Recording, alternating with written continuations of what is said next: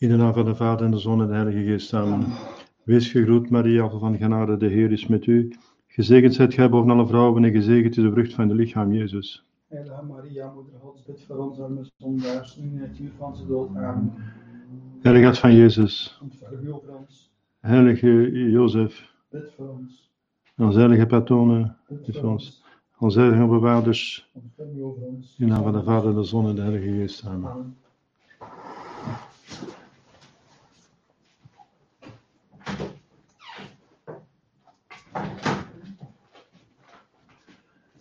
Zo, we waren begonnen vorige keer met eh, het negende artikel van het geloof. Ik geloof in de Heilige Katholieke Kerk.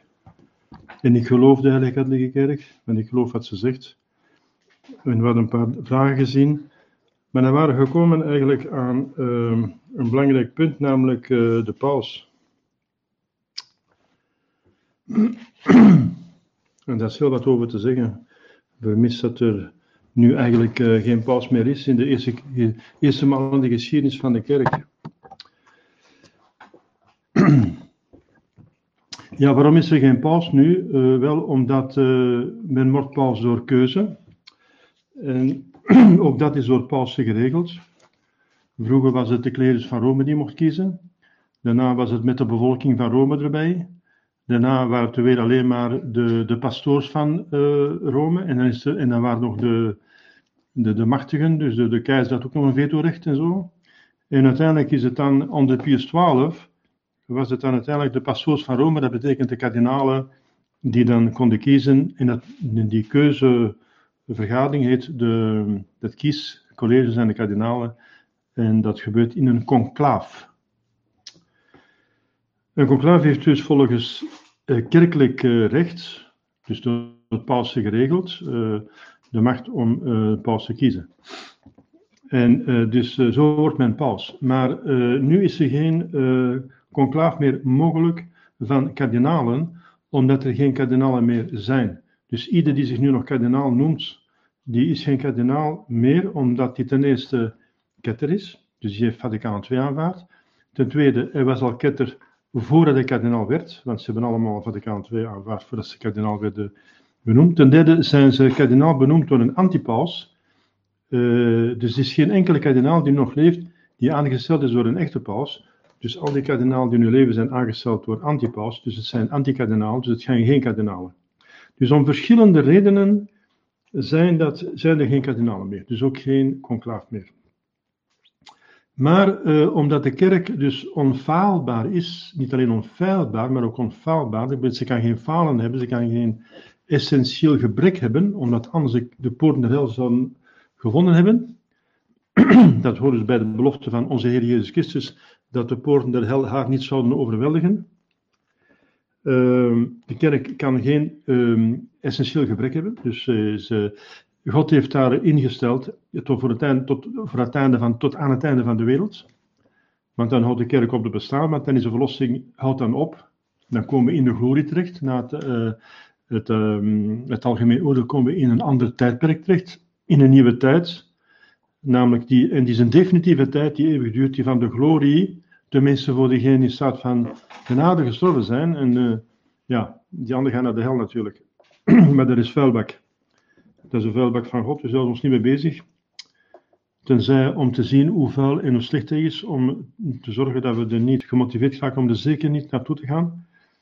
Om niet te zondigen. Ehm, we zitten dus in het, eh, laatste, het laatste tijd, dat wil zeggen dus eh, de tijd dat eh, de kerk ingesteld is, ingesteld is door onze Heer Christus. En dat, ja, die gaat zo lang duren totdat het getal van de heiligen volkomen is, zegt de Heilige Schrift. Als het getal van de heiligen volkomen is, dus van de uitverkorenen, dan houdt eh, de wereld op te bestaan. Want dan mag er geen huwelijk meer zijn, dan mogen er kinderen meer bij bijkomen, dan mogen er geen heiligen meer bijkomen, want dan is de hemel vol. Want er is een numerus clausus, bij wijze van spreken, voor de hemel. Dat zijn eh, wel- wellicht miljarden personen, maar toch, er is een grens. Dus, eh, voilà. Wel, ehm,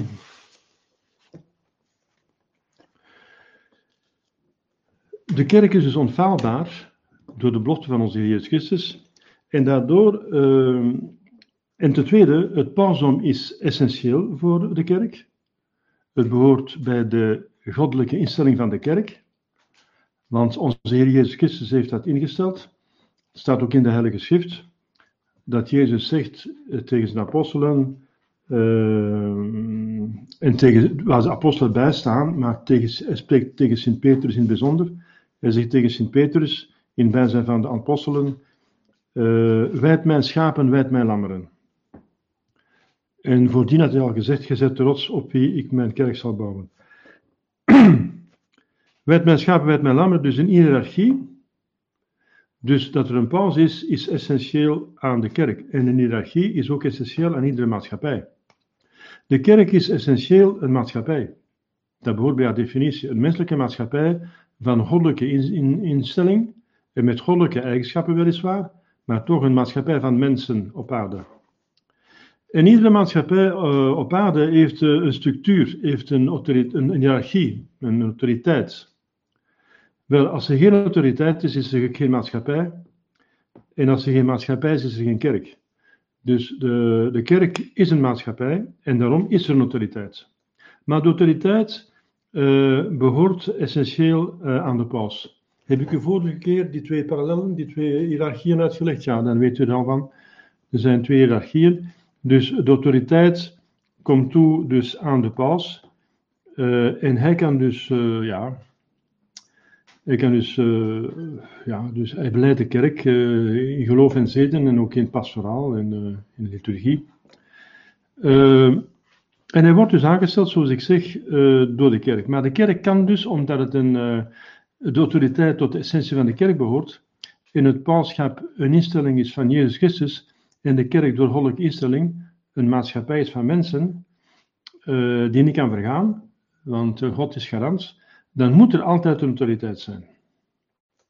Dus als die autoriteit dus niet meer door de paus wordt uitgeoefend, dan wordt die uitgeoefend, heb ik vorige keer uitgelegd, door de eerstkomende in rang van de hiërarchie.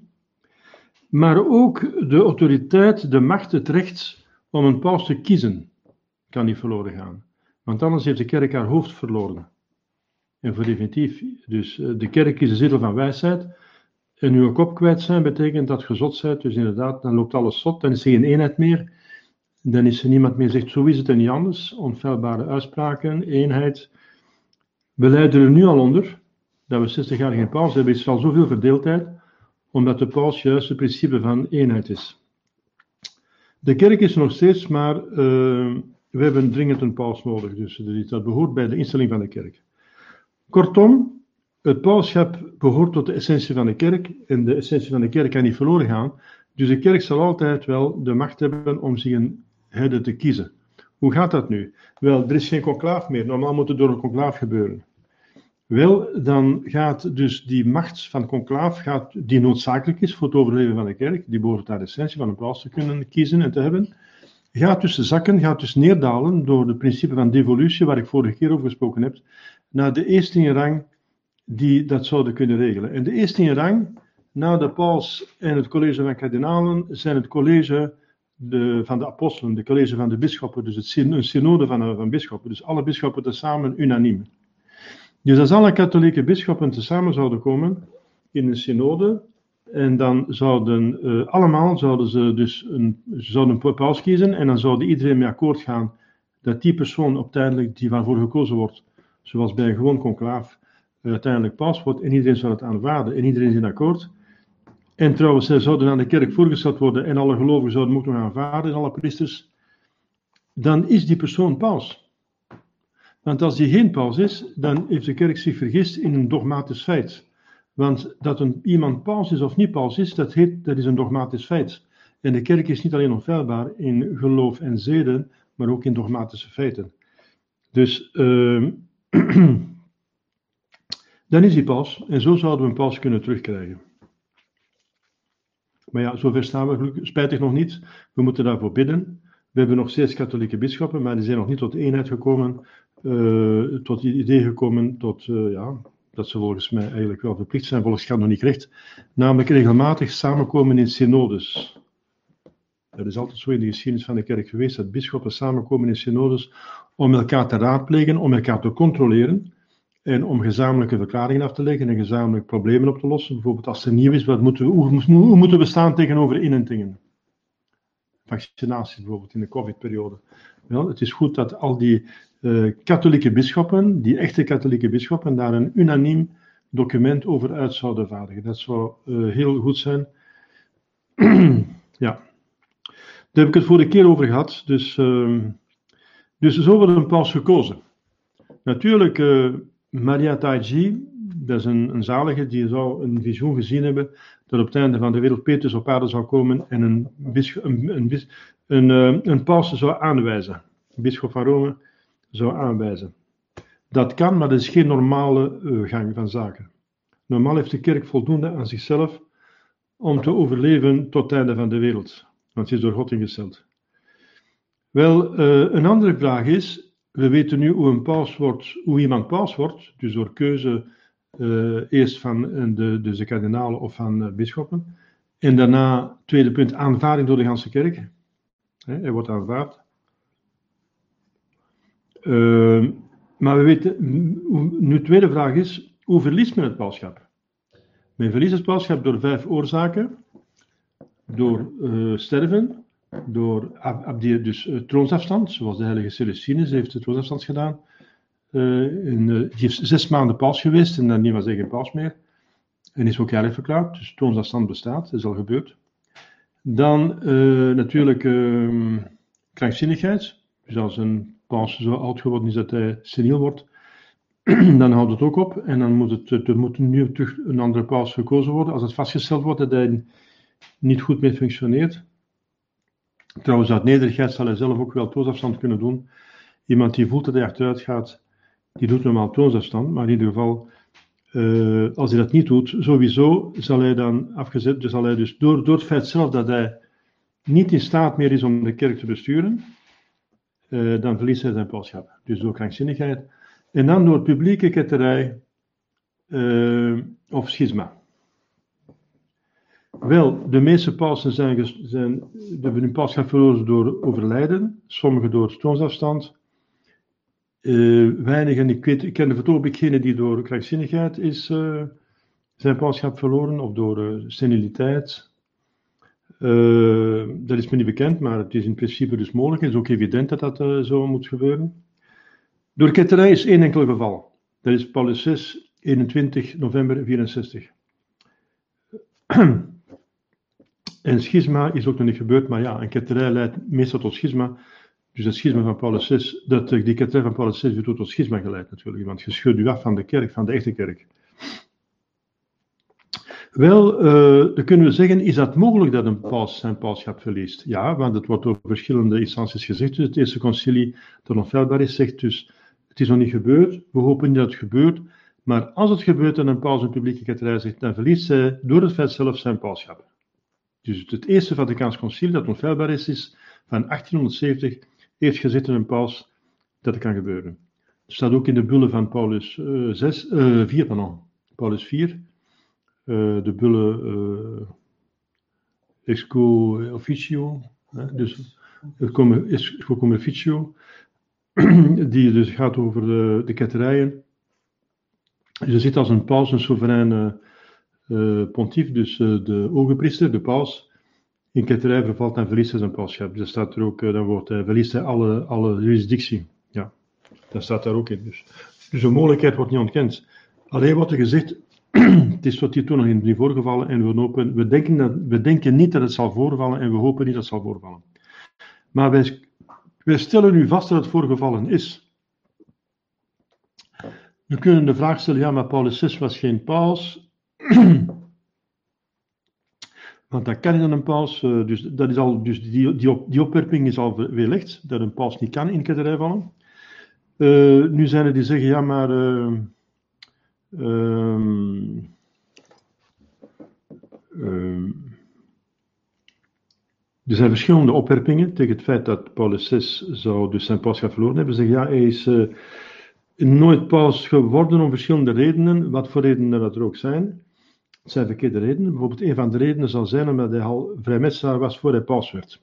En een vrijmetselaar loopt volgens het kanoniek recht een automatische excommunicatie op. En we lezen in de catechismus dat een excommuniceerde niet tot de kerk behoort. Ja, dus wat moeten we daarop antwoorden? Wel, dat Pius XII heeft geregeld dat iedereen die het conclaaf binnengaat, uh, dus wat gebeurd is uh, toen Paulus VI werd gekozen in 63, en het geldt ook voor Johan 23, waar we ook in vraag gesteld, dus conclaaf van 58 voor Johan 23 en 63 voor Paulus VI. Daarin dus uh, iedereen die in conclaaf gaat, dat heeft Paul, Pius zo geregeld, die, en die heeft een excommunicatie, dan wordt die opgeheven. Die wordt opgeheven om geen twijfels te veroorzaken bij een pausgeuze. Want anders zou dat een schisma kunnen veroorzaken. Dus om een schisma te vermijden, heeft Pius XII gezegd dat alle excommunicaties opgeheven zijn als men een conclaaf binnenkomt. Dus als Paulus VI ooit een vrijmetselaar was en, uh, en voordat hij paus werd in conclaaf, dus al een vrijmetselaar was, dan is deze communicatie dus opgegeven door de beslissing en de macht van Pius XII, die de macht heeft om te binden en te ontbinden, want hij was een echte paus. Dus dat wordt daarmee verlegd. Ten tweede, uh, bij, dus, dus uh, bij leven is Johannes 23 heeft nooit iemand geweten dat hij vrijmetselaar was. Dat werd, en dan ten derde, dat is misschien nog het belangrijkste van allemaal, want dat is het argument van de heilige Alfonsus van Ligori. De heilige Alfonsus is de grootste autoriteit in moraaltheologie. Uh, het gaat over wat goed of slecht is en zo. Wat, wat, dit is moraaltheologie, een zeer hoge autoriteit. Wat die zegt, als een indringer in de kerk zou komen en die wordt paus verkozen, het was een, een vrijmetselaar, is een indringer, die probeert te infiltreren in de kerk, en hij zou door de ganse kerk erkend worden, zo is hij paus. Want de ganse kerk kan zich niet vergissen. op grond van de belofte van Jezus, de poorten der hel zullen haar, de kerk, niet overweldigen. Let wel, Jezus zegt haar overweldigen. Hij zegt niet u. Hij zegt niet jij, Petrus. Hij zegt niet de poorten zelf zullen u niet overweldigen. Want Paulus 6 is overweldigd geweest. Hij is geworden. Maar hij zegt haar niet overweldigen, de kerk. En de kerk is niet overweldigd geweest, want de kerk leeft verder in de ware gelovigen, priesters en bisschoppen. Dus een, een paus kunt je verliezen, maar de kerk kan niet verloren gaan. Dus, uh, wel, uh, dus dus het feit dat Johannes 23 en Paulus 6 door alle katholieken, dus eerst door het conclaaf, daarna door, uh, als het conclaaf uitkwam, uh, zijn ze door iedereen aanvaard geweest, uh, is door iedereen aanvaard, of hij die twee pausen zijn door iedereen aanvaard geweest, zonder discussie, geen enkele. Dus dan moet men zeggen, hij is paus. Want als men zegt hij is geen paus, is men schismatiek, want men, men, neemt niet, men, neemt niet, men onderscheidt zich, men zit zich buiten de kerk de kerk aanvaardt Tien als paus en jij niet. Ja, dan zit je niet met de kerk mee. Dat is een schismatieke daad. En bovendien ruikt het naar ketterij, want dat is verondersteld dat Jezus zich vergist heeft, dus dan is hij God niet, want hij heeft zich vergist, dus de kerk zich wel kan vergissen. Heeft gezegd, de kerk zal zich niet vergissen. De poorten zullen haar niet overweldigen. Dus dat is uh, dan uh, duidelijk. Uh, ik ben een van de weinigen die, zo, die dat zegt. Ik ben een van de weinige die dat zegt, een bischop. Dus één bischop die zegt, ja het kan zijn, Monsignor Morello, maar er zijn weinig mensen die denken zoals jij. En dan Monsignor Stuiver heeft ook, me dunkt, de twijfel erover, eventueel. Mons, dus Abbé Belmont, die is van mijn idee dat Johan 23 wellicht paus is, dus, want die volgt ook de missaal van Johan 23 Maar hij heeft een twijfel over Paulus 6, denk ik. Hè? Ik snap dat niet, het dat, want het is hetzelfde geval. Dus. In ieder geval, of dat er nu veel of weinig zo denken, dus de argumenten zijn zeer sterk, zijn, zijn, zijn zeer sterk, het zijn dogma's. Dus uiteindelijk zou iedere katholiek dat moeten aanvaarden. Ofwel moeten ze het weerleggen. Dan moeten ze weerleggen dat, dat Jezus zich kan, niet, niet kan vergissen, dat kunnen ze niet weerleggen, want dat is een dogma. Dan moeten ze weerleggen dat de kerk onfaalbaar is, dat kunnen ze niet weerleggen, want dat is een dogma. Of dan moeten ze weerleggen dat de ganse kerk die twee pausen uh, heeft aanvaard. En na 60 jaar nog iemand gaan vinden. In ieder geval, dat is niet bekend. Ik was toen ook nog uh, jong. En ik heb nooit gehoord dat er een probleem was van die paus, Johannes 23 en Paulus 6. Tot aan natuurlijk de ketterijen in, ehm, in het concilie. Dan, dan, dan begon het probleem. En dan was er wel een, een, oppositie. Want de ketterij is dus uh, iets dat dus wel in staat is om het pausschap te doen verlezen. En dan is er een reactie gekomen. Namelijk in het concilie zijn er dan 250 bisschoppen die gereageerd hebben. En die hebben zich uh, samengevoegd in het Scheutus Patrum Concilii om die modernistenconcilie tussen, ja, en om die dwalingen en die ketterij van het concilie recht te trekken. Toen Paulus VI in uh, 7 december 1965 het concilie uitriep, dus enfin, afkondigde bijvoorbeeld de, de, documenten bedoel ik afkondigde, en het was de sluiting van het concilie, dus, dus de concilie werd dus verkondigd, al wat daar besloten is geweest, en de decreten werden gepubliceerd, en die ketterijen werden dus gepubliceerd. Op dat moment hebben die 250 bisschoppen zich er ook bij neergelegd. Eh, bij de ganse concilie, dat zo beslist een paus die beslist, die blijkbaar blijkt onfeilbaar te zijn.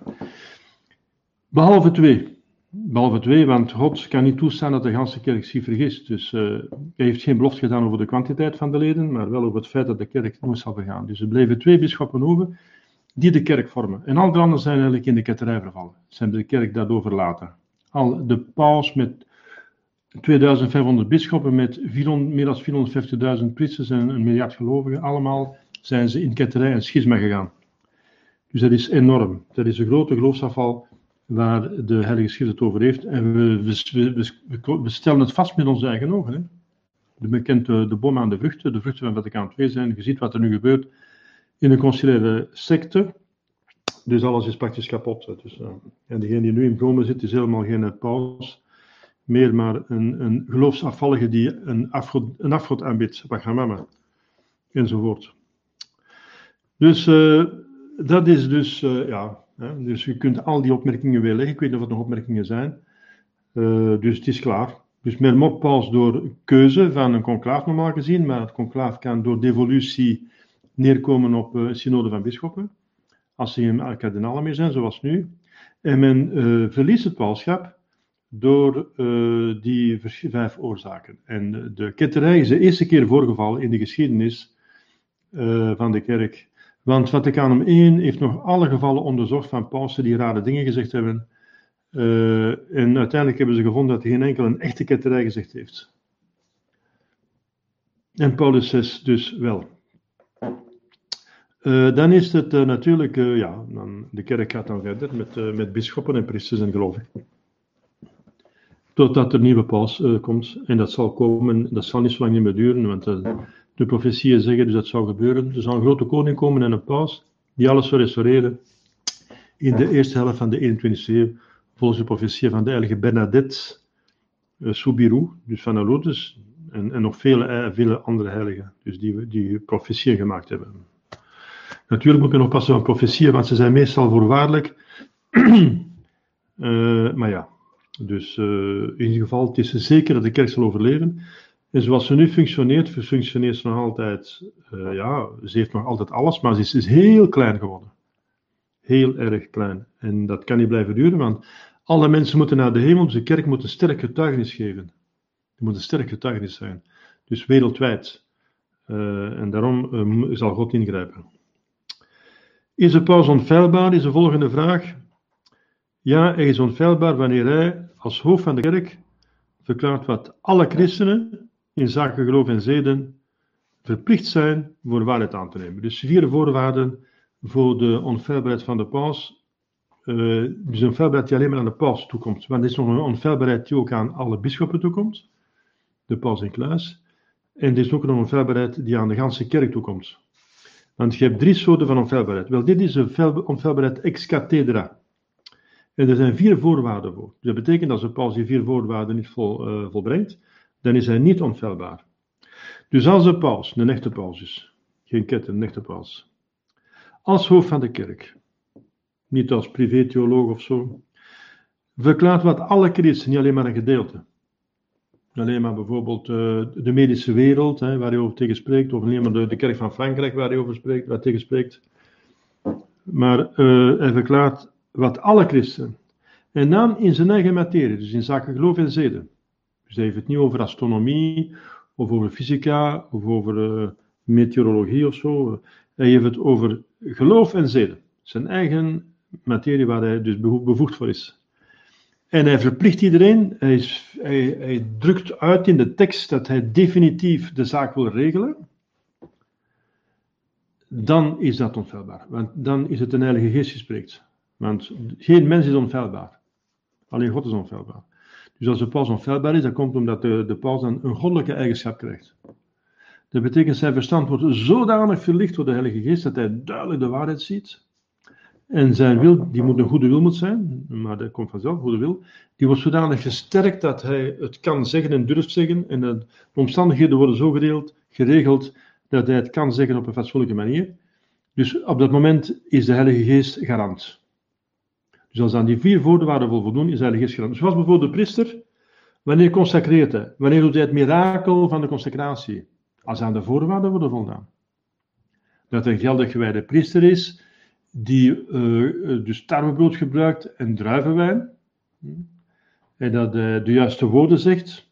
Dit is mijn lichaam, dit is bloed enzovoort, de juiste woorden. En dat hij intentie heeft om de kruishof van Jezus tegenwoordig te brengen. Als ze die voorwaarden voldaan zijn, dan komt Jezus tegenwoordig. Dus, dus, dus het goddelijke aspect van de kerk is altijd voorwaardelijk. Het goddelijke aspect van de kerk. Dus, uh, de, dus als de mensen zich zo gedragen, dan doet God dan en dat. Dus altijd voorwaardelijk. Uh, dus de onfeilbaarheid van de paus is ook voorwaardelijk. Dat betekent dat Paulus is niet altijd voorwaardelijk, uh. En ja, we, hebben nu, nu, we hebben het gezien dat Paulus 6 hoe komt het dan dat Paulus VI dan de ketterij verkondigd heeft? Eh, was het dan, is het concilie dan niet onfeilbaar? Wel, ik zal het zelfs op antwoorden, op die, uh, die, die, die, die, die, dus, tegenwerping. Door ook over de andere onfeilbaarheid te spreken. Dus je hebt een tweede actieve onfeilbaarheid. Dus je hebt twee actieve onfeilbaarheden en één passieve onfeilbaarheid. De tweede actieve onfeilbaarheid is dus dat het magisterium, dus alle bisschoppen, als die tezamen unaniem een bepaalde leer verkondigen, puttend uit het verleden, dus zijn ook nog unaniem met bisschoppen uit het verleden, met het verleden, dan is dat onfeilbaar. Dus ook weer conditioneel. Als alle bisschoppen, dus paus in kluis, of ja, als er een paus is, dus alle bisschoppen, uh, de bisschop van Rome in kluis, dus un, unaniem, dus allemaal zeggen hetzelfde, bijvoorbeeld een catechismus, ze brengen een catechismus uit, dus die catechismus is onfeilbaar, omdat uh, die bisschoppen allemaal tezamen eh, dus dat hebben we verkondigd. En dat is wat overal in de kerk wordt geleerd door iedereen. Of hij toen toch. Hè? En, en, en puttend uit het verleden, want dat komt overeen met de catechismus van uh, Sint Augustinus, met de, met catechismus van de heilige Robertus Bellamidis enzovoort, van het Concilie van Trente. Dat komt allemaal overeen. Dus dan is het onfeilbaar door een gewoon universeel magisterium. Dus het eerste, de eerste onfeilbaarheid was ex cathedra, dus buitengewoon universeel magisterium. Dat komt alleen maar aan de paus toe. Maar ze zeggen, ja, maar een concilie is ook ex cathedra Nee, nee, nee, nee. Een concilie is pas uh, ex cathedra als de paus daar, daarbij is. En, en het concilie wordt, is onfeilbaar omdat de paus daar is. Een concilie zonder paus is niet onfeilbaar. Een concilie krijgt daar onfeilbaarheid van de paus. Uiteindelijk is dat de paus met het concilie die eigenlijk zelf onfeilbaar is en, en, consulteert en dan iets verklaart en de anderen stemmen mee in. Voilà, dat is onfeilbaarheid van een concilie. Dus eigenlijk is dat onfeilbaarheid van de paus. Dus een concilie, eh, als er nu een concilie zal zijn van bisschoppen, zou die alleen maar onfeilbaar zijn op de tweede manier. Dus dat er een unanimiteit is van allen, puttend uit het verleden. En de derde onfeilbaarheid is passief, dat wil zeggen dat de kerk gelooft, dat alle gelovigen, allemaal, van klein tot groot, van links tot rechts, overal in de wereld, iedereen ook gelooft hetzelfde. En er is ook altijd zo geweest dat ze zo geloofd hebben. Bijvoorbeeld dat Maria de moeder van God is. Dat is een van de argumenten geweest van de heilige uh, om, te, om, te, om, om het de moederschap van, Maria te, het goddelijk moederschap van Maria te, te verdedigen tegen Nestorius. Dat wij altijd zo gebeden hebben. De kerk heeft het altijd zo geloofd. Dat is een passieve uh, of, natuurlijk heeft de kerk het ook altijd zo onderwezen, maar vooral heeft ze zo gebeden, zegt hij. Ze heeft altijd zo gebeden, ze heeft altijd zo geloofd. Ja. Dus als iedereen hetzelfde gelooft, dat, en dat, dan moet dat wel onfeilbaar zijn, want anders vergist de ganse kerk zich. Vergist de ganse kerk zich in een punt van geloof. Dat kan niet, want dan hebben we de poort naar hel overweldigd. Dus op grond van die belofte van Jezus Christus, onze Heer Jezus Christus, de poorten der hel zullen haar niet overweldigen, dus de kerk is onfeilbaar. Maar ik kom terug naar Paulus 6, de opwerping. Ja, maar was Paulus 6 niet onfeilbaar bij het concilie? En dan zeg jij, dan zeg jij dat er ketterij was. Hoe kan dat nu? Nee, Paulus VI heeft met het concilie geen enkele onfeilbaarheid willen gebruiken. Hij heeft onder het concilie en na het concilie heeft hij duidelijk gezegd, Paulus VI, dat hij zijn onfeilbaarheid niet wou gebruiken. om die gescheiden broeders niet voor het hoofd te stoten. Want had Anglikanen uitgenodigd, hij had protestanten uitgenodigd, Oosterse schismatieken uitgenodigd. Hij had uh, alle vijanden, ketters en schismatieken uitgenodigd, uh, zelfs communisten uitgenodigd. Hij heeft de Benai Brit de, de, uitgenodigd. Hij heeft, uh, iedereen was welkom. en hij wou ze niet voor het hoofd stoten, want die anderen geloven daar niet in. De protestanten geloven niet in de paus in de onfeilbaarheid. De Oosterse schismatieken geloven niet in de pausschap en ook niet in de onfeilbaarheid van de paus. Enzovoort. Dus de Anglikanen ook niet. Dus hij heeft dat niet willen gebruiken, omdat hij een verkeerde ecumene wou doen. Een ecumene wil zeggen dus de afgescheiden broeders terug in de kerk krijgen. Maar normaal gebeurt het door bekering. Maar hij wou ze terugkrijgen zonder bekering. Gewoon door over het verschil te zwijgen en alleen maar spreken over waarin we overeenkomen. Uh, dus dat is een valse dus ecumene, een veroordeelde ecumene. Die ecumene is veroordeeld door de uh, Animos, de encycliek van Pius uh, XI trouwens, en door de ganse kerk. Dus de organisatie zegt ook, pas organisatie zegt dat je dus geen vriendschap moet hebben met ketters, dus dan kun je dan ecumene doen. Dus uh, dat is dus onfeilbaar veroordeeld. Maar in ieder geval, hij wou het dan toch doen. Ehm, en dus daarom heeft hij in het concilie zijn, onfijn, zijn onfeilbaar niet willen gebruiken. Dus het is niet gebruikt, want hij wou het niet gebruiken. De tweede onfeilbaarheid, namelijk die van uh, het uh, gewoon universeel magisterium, dat alle bisschoppen, want er waren toch alle bisschoppen tezamen daar in het concilie, met de, paus van, met de bisschop van Rome, de paus inclusief, dat ze dan unaniem zijn, uh, en puttend uit het verleden, dan is het ook onfeilbaar, maar dat was het juist niet. Ze waren niet unaniem, want er waren 250 die er tegen waren. En ze putten niet uit het verleden, maar ze waren in breuk met het verleden. Het bewijs dat een breuk was met het verleden is een boek zelf geschreven door kardinaal Ratzinger, die de prefect was van de geloofsleer, congregatie van de geloofsleer, en die dus de, de spreekbuis was van toen antipaus, paus, antipaus, Johannes Paul II, en nadien is ze ook zelf antipaus geworden, dus een heel hoge personage, um, in de officiële secte. Hè. Wel, die heeft gezegd in zijn boek, uh, de principe van uh, het katholiek geloof, van, van de katholieke theologie, heeft hij gezegd dat uh, Gaudium et Spes, Gaudium et Spes is uh, een antisyllabus.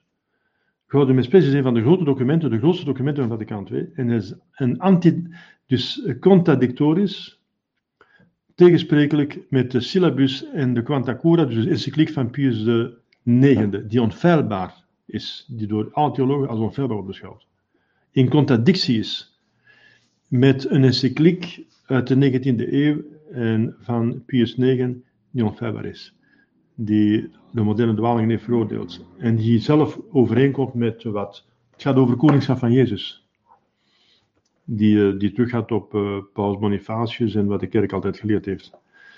Dus, uh, en uh, zegt dus dat het zo sterk is dat hij uh, Gaudium et Spes als een antisyllabus beschouwt. Dus, dus volledig tegenstrijdig met de syllabus van de 19e eeuw. En hij zegt toen aan Mons Lefebvre, ja maar wat in de 19e eeuw waar was, hoeft in de 20e niet waar te zijn. Dus ze zijn in een breuk met het verleden. Daarmee telt ook en geldt ook en werkt ook die tweede onfeilbaarheid niet, die alleen maar werkt als alle bisschoppen het eens zijn, en dat waren ze niet, want er waren nog twee, 250 onder concilie en nog twee. Er waren veel meer, hè. Er zijn veel meer bisschoppen die uiteindelijk het concilie niet onderschreven hebben, maar die durfden niet openlijk meer reageren. Er zijn er veel meer. Maar een stuk of uh, tien, denk ik, zoiets, die er uh, niet de, de tekst niet hebben onderschreven. Maar er zijn er maar twee die bleven publiekelijk protesteren. Dat is Mons Lefebvre en Mons Casse de Maillard. Ook al wordt gezegd dat Mons Lefebvre uh, de kettische teksten wel getekend heeft, in ieder geval een feit is dat hij, dus, hij bleef, blij, is blijven protesteren onder en na het concilie. Dus hij blijven protesteren tegen de dwalingen. En de tweede, als Rome van, in staat zijn om een paus te vermoorden, hetgeen dat gebeurd is met Johannes Paulus I, dat is bewezen, dat hij vermoord is. Dan zijn ze ook in staat, en waarschijnlijk is Pius XII ook vermoord, uh, want zijn lijk was helemaal wit, dus helemaal op een heel, een heel speciale, een heel abnormale kleur heeft hij gekregen, dus dat wijst op vergiftiging enzovoort. Enfin, in ieder geval, als ze in staat zijn om een paus te vermoorden, zijn ze ook in staat om geschriften te vervalsen. Dus Mons Lefebvre heeft uh, dus, en er zijn ook nog verschillende lijsten. Die lijsten van Vaticaan van het Concilie, er zijn aanwezigheidslijsten die Mons Lefebvre heeft ondertekend, want hij was aanwezig. Er is, een, er is een lijst voor goedkeuring van een bepaalde tekst en er is een lijst voor goedkeuring, een aantekeningenlijst voor goedkeuring van het ganse concilie als een geheel. Wel, hij heeft zijn aanwezigheidslijst getekend en hij heeft het ganse concilie dus goedgekeurd, maar bepaalde teksten niet, heeft, bepaalde teksten niet willen onderschrijven, want uh, die waren ketters, maar heeft het ganse concilie willen goedkeuren, omdat hij wil zeggen, ik, wil, ik wou uitdrukken dat ik geen ketter wil zijn, geen schismatiek, dat ik mij in principe aan de paus vond onderwerpen, maar die bepaalde tekst die kan ik niet aannemen. Dus in ieder geval, hoe het ook zij, uh, Mons Lefebvre en Casse de Maillère hebben dus zich altijd verzet tegen die uh, ketterij van Vaticaan II. Dus er was geen eensgezindheid tussen de bisschoppen en ze putten ook niet uit het verleden. Dus die tweede onfeilbaarheid heeft niet gewerkt voor Vaticaan II. Er was met Vaticaan II geen onfeilbaarheid. Men kan zeggen, de Heilige Geest was niet uitgenodigd. Vaticaan II. Uh, in principe wel, want ze hebben dan zitten bidden. De Heilige Geest kwam over ons, maar dat was een, de Heilige Geest zoals de protestanten uh, bidden. Hè. Een Heilige Geest uh, die de Heilige Geest eigenlijk niet is. Hè. Ja, dus dat over de onfeilbaarheid. Het is heel belangrijk dat men daar duidelijke en klare ideeën in heeft. Dan volgende vraag, wat zijn bisschoppen? Bisschoppen zijn de wettige opvolgers van de apostelen, die belast zijn uh, met... Uh, die belast zijn de bisdommen te besturen in de naam van Jezus Christus onder het oppergezag van de paus van Rome. Ja. Dus uh, de paus is de opvolger van Petrus en de bisschoppen zijn opvolger van de, bis, van de apostelen. Bisschoppen behoren ook, zoals ik gezegd heb, tot de essentie van de kerk, want als er geen bisschoppen meer zijn, is er geen uh, vormsel meer, zijn er ook geen consecraties meer, zijn er geen priesterwijdingen meer, geen bischopswijdingen. Dus als er geen bisschoppen meer zouden zijn, zouden de poorten de hel de kerk weer overweldigd hebben. En dat kan niet, dus er zullen altijd goede bisschoppen zijn. We kunnen wel een paus uh, verliezen, en dat gebeurt telkens een paus sterft en nog geen gekozen is, maar we kunnen niet alle bisschoppen verliezen. Dat kan niet. Want dan heeft de kerk essentieel verloren. Dus uh, we moeten zien dat we ons, ons onderwerpen aan. Dat we naar goede bisschoppen zoeken, geldig gewijd, zowel priester als bisschop. Want men moet geldig priester gewijd zijn om geldig bisschop gewijd te zijn. Er zijn bisschoppen die zogezegd geldig bisschop gewijd zijn, maar zijn ongeldig priester gewijd. Ja, dan geldt ook niet. Dat geldt wel voor het priesterschap, maar niet voor het bisschops. Uh, uh, voor de bischopswijding. Een priester die kan meteen priester gewijd. Dus iemand die, uh, een priester die kan meteen gewijd zijn. Het voldoende, is voldoende dat je gedoopt bent en een man bent, van een zekere leeftijd natuurlijk, enzovoort. En dan kun je onmiddellijk priester gewijd worden, zonder dat je al die trappen moet gaan. Normaal in seminaren wordt je eerst getonsureerd, daarna krijg je de lagere wijdingen van uh, koster, lector, uh, exorcist, acoliet. Dat zijn de vier lagere wijdingen. Dan krijg je de hogere wijdingen. Subdiaken, diaken, priester. Maar om priester gewijd te worden, hoeft je geen diaken te zijn. Dat, dat past natuurlijk, dat je het ganse seminar doorloopt. Maar in tijden van nood, bijvoorbeeld in een gevang, in een gulag, in een gevangenis, uh, kan het zijn dat een bisschop meteen iemand priester die voldoende kennis heeft en die toch opgeleid is, maar die die vorige, of sommige van die vorige eh, wijdingen niet meer gaf. Maar als je dus de hogere wijding krijgt, heb je meteen, krijg je meteen ook de lagere wijdingen. Dus iemand die meteen van gedoopte, en gevormde natuurlijk, want het moet ook gevormd zijn om priester gewijd te worden. Of licit. Het is niet voor de helderheid, maar voor de liciteit, de gelooftijd van het priesterschap moet het toch gevormd zijn, want je moet het geloof overdragen. Dus als een gedoopte, eh, man natuurlijk, wordt priester gewijd, zonder nadien, eh, voordien wijdingen gehad te hebben, of nadien nog die lagere wijdingen te krijgen, is hij nodig, heeft hij meteen ook alle wijdingen gekregen die eronder zijn. Dus als men priester wordt gewijd, zonder wijdingen gehad te hebben voordien, is men meteen ook koster, uh, lector, exorcist, acoliet, subdiaken en diaken. Men krijgt alles meteen. Maar dat geldt niet voor het priesterschap, uh, het bischopsambt, excuseer. Dat wordt, dat wordt gecontesteerd, er wordt een discussie over, maar volgens mij geldt dat niet. Sint Thomas van Aquino zegt het. Om bisschop gewijd te worden, moet men priester zijn. Sint Thomas van Aquino zegt het, en er staat ook in de tekst van de consecratie, tekst waardoor je dus priester, dus de consecratie van bischopswijding, bischopsconsecratie. Uh, Pius XII heeft dat nog beslist, de, wat nodig is voor de geldigheid, namelijk de handoplegging. En dan de, de tekst, de, de, de, de, de, de wijdings- of de consecratietekst, de consecratietekst voor de, of bij bischop geconsecreerd te worden, want dat heet ook een consecratie, hè, bischopswijding. En zo ook voor het priesterschap. Maar in die consecratietekst, die heel oud is, die teruggaat tot het begin van de kerk, die nooit veranderd is geweest, behalve door Paulus VI na zijn ketterij, is nooit veranderd geweest. Daarin staat. Uh, uh. Dus geef aan deze priester de volheid van het priesterschap, dus het bischopsambt. Geef aan deze priester sacerdoti, aan deze priester. Dus als in de tekst van de consecratie van tot, tot, tot bischop staat dat uh, men dat geeft aan een priester, moet hij wel priester zijn. Als die persoon geen priester is, alleen maar gedoopt, dan klopt die tekst niet meer. En dat is een consecratietekst. Zoals de consecratie van de mis zegt men, en dan brood en wijn enzovoort. Uh, dus het moet brood en wijn zijn. Ja. Dus uh, dat is uh, voor de bisschoppen, want dat is heel veel, ja, het, is, het wordt tegenwoordig nog moeilijk om ware bisschoppen te vinden, dus men moet nagaan, zijn ze geldig gewijd? Zijn ze geldig priester gewijd en aan bisschop gewijd? En ten derde zijn ze dan geen ketter en schismatiek. En dan kun je ze aannemen. En er, zullen er altijd zijn, maar er zijn er heel weinig. In, in Europa ken ik er, ik heb vorige keer gezegd, Monsen Stuiver in Nedermonde, zeven, zeven bisschoppen in, in Tsjechië, dat is alles. In Afrika niemand die ik ken, in Azië niemand, geen enkel bisschop, in Oceanië niemand. In Amerika zijn er tientallen.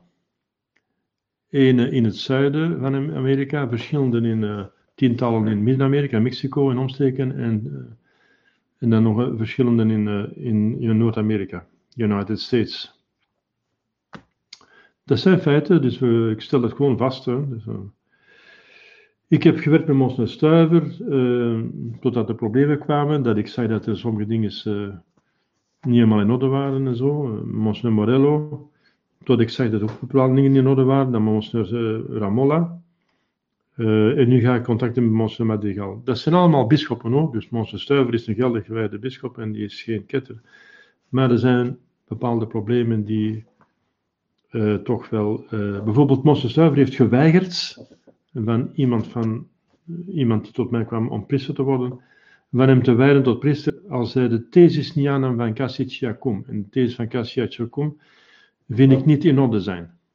Die thesis die, is, die gaat terug op Monseigneur Gerard Deloyer en die zegt dat, uh, dat was in de tijd van Paulus VI, na zijn ketterij, hij is geen paus meer, want hij heeft geen geloof, maar hij is paus materialitair. Want hij heeft alles om paus te zijn, alleen het geloof heeft hij niet. Dus als hij het geloof terugkrijgt, wordt hij paus. Dat is waar in de tijd van Paulus want men heeft, er is een grijze zone voor een paus. Als een paus een ketterij zegt, mag jij erover nadenken wordt hij aangemaand door het gezonde gedeelte van de kerk, door de bisschoppen die er nog altijd zullen zijn. Want ik heb gezegd, de kerk kan niet zonder bisschoppen. Er zullen altijd katholieke bisschoppen zijn en die hebben de plicht van hem aan te manen. Hè. Dat staat ook in het Schrift. Als je ziet dat uw broer, uh, uw medebroeder afdwaalt, dan moet je hem vermanen, zelfs als is die medebroeder uw overste. Met alle respect moet je hem aanmanen. Dat is dus een plicht. En die, die paus die wordt aangemaand, dat is ook gebeurd.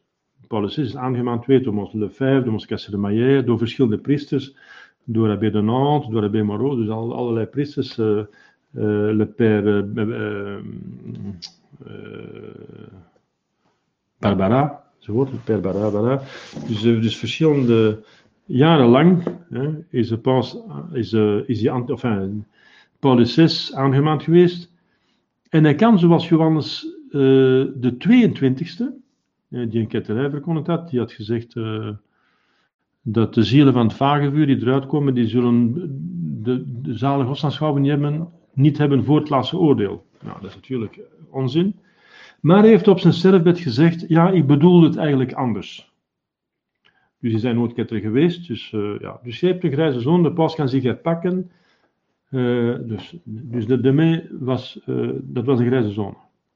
Wel, in die grijze zone kan ik aannemen dat Paulus VI eigenlijk geen paus is, want hij heeft een ketterij verkondigd, maar hij is paus materialiteit, dat wil zeggen, als hij zijn geloof terugvindt, is hij paus. Want hij is, door, hij is een gedoopte, geldig gevormd, hij is, heeft een priesterschap gehad, een seminarie, geldige priesterwijding, geldige nog een oude bischofswijding. Hij is door de ganse conclave gekozen geweest. Dus heeft alles om een paus te zijn. En is ook paus geweest. Dus, als hij het geloof terugvindt, dan is hij paus. Dus zoals Johan de 22e zich gepakt heeft en dan toch niet dus, als paus wordt beschouwd. dus heel zijn leven. Wel, dat geldt voor Paulus VI, maar niet meer voor die anderen. En het probleem is dat verschillende uh, bisschoppen, zoals Monsignor Stuiver en, en uh, Monsignor Sanborn, dat nog aannemen voor huidige uh, antipausen. Dus als Franciscus, en het, de conclusie is dus als Franciscus zich morgen bekeert, hetgeen altijd in theorie mogelijk is, dan is hij meteen paus ipso facto.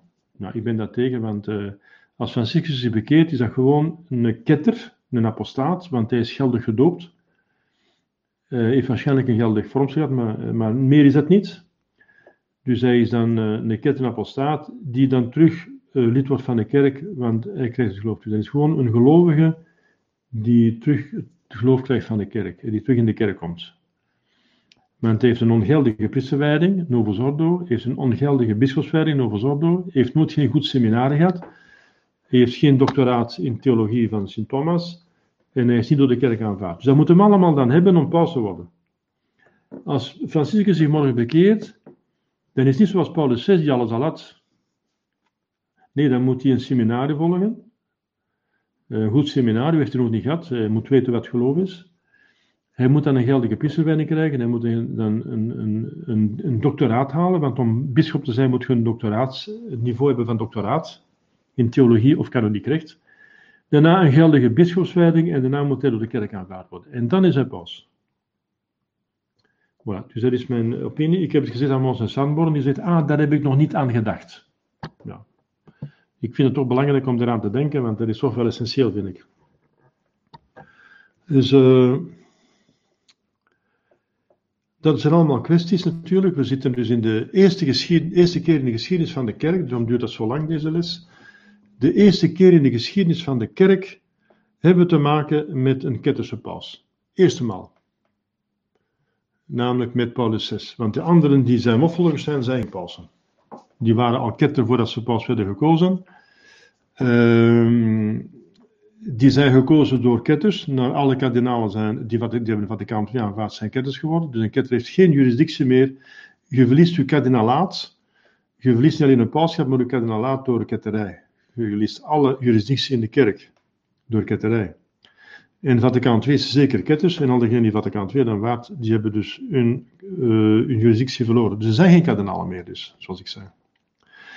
En uh, die kardinalen die er, uh, die na Paulus VI kwamen, dus na zijn dood, die er waren, die waren al voor een stuk aangesteld door Paulus VI, een deel daarvan, na zijn ketterij. Dus dat waren antikardinalen.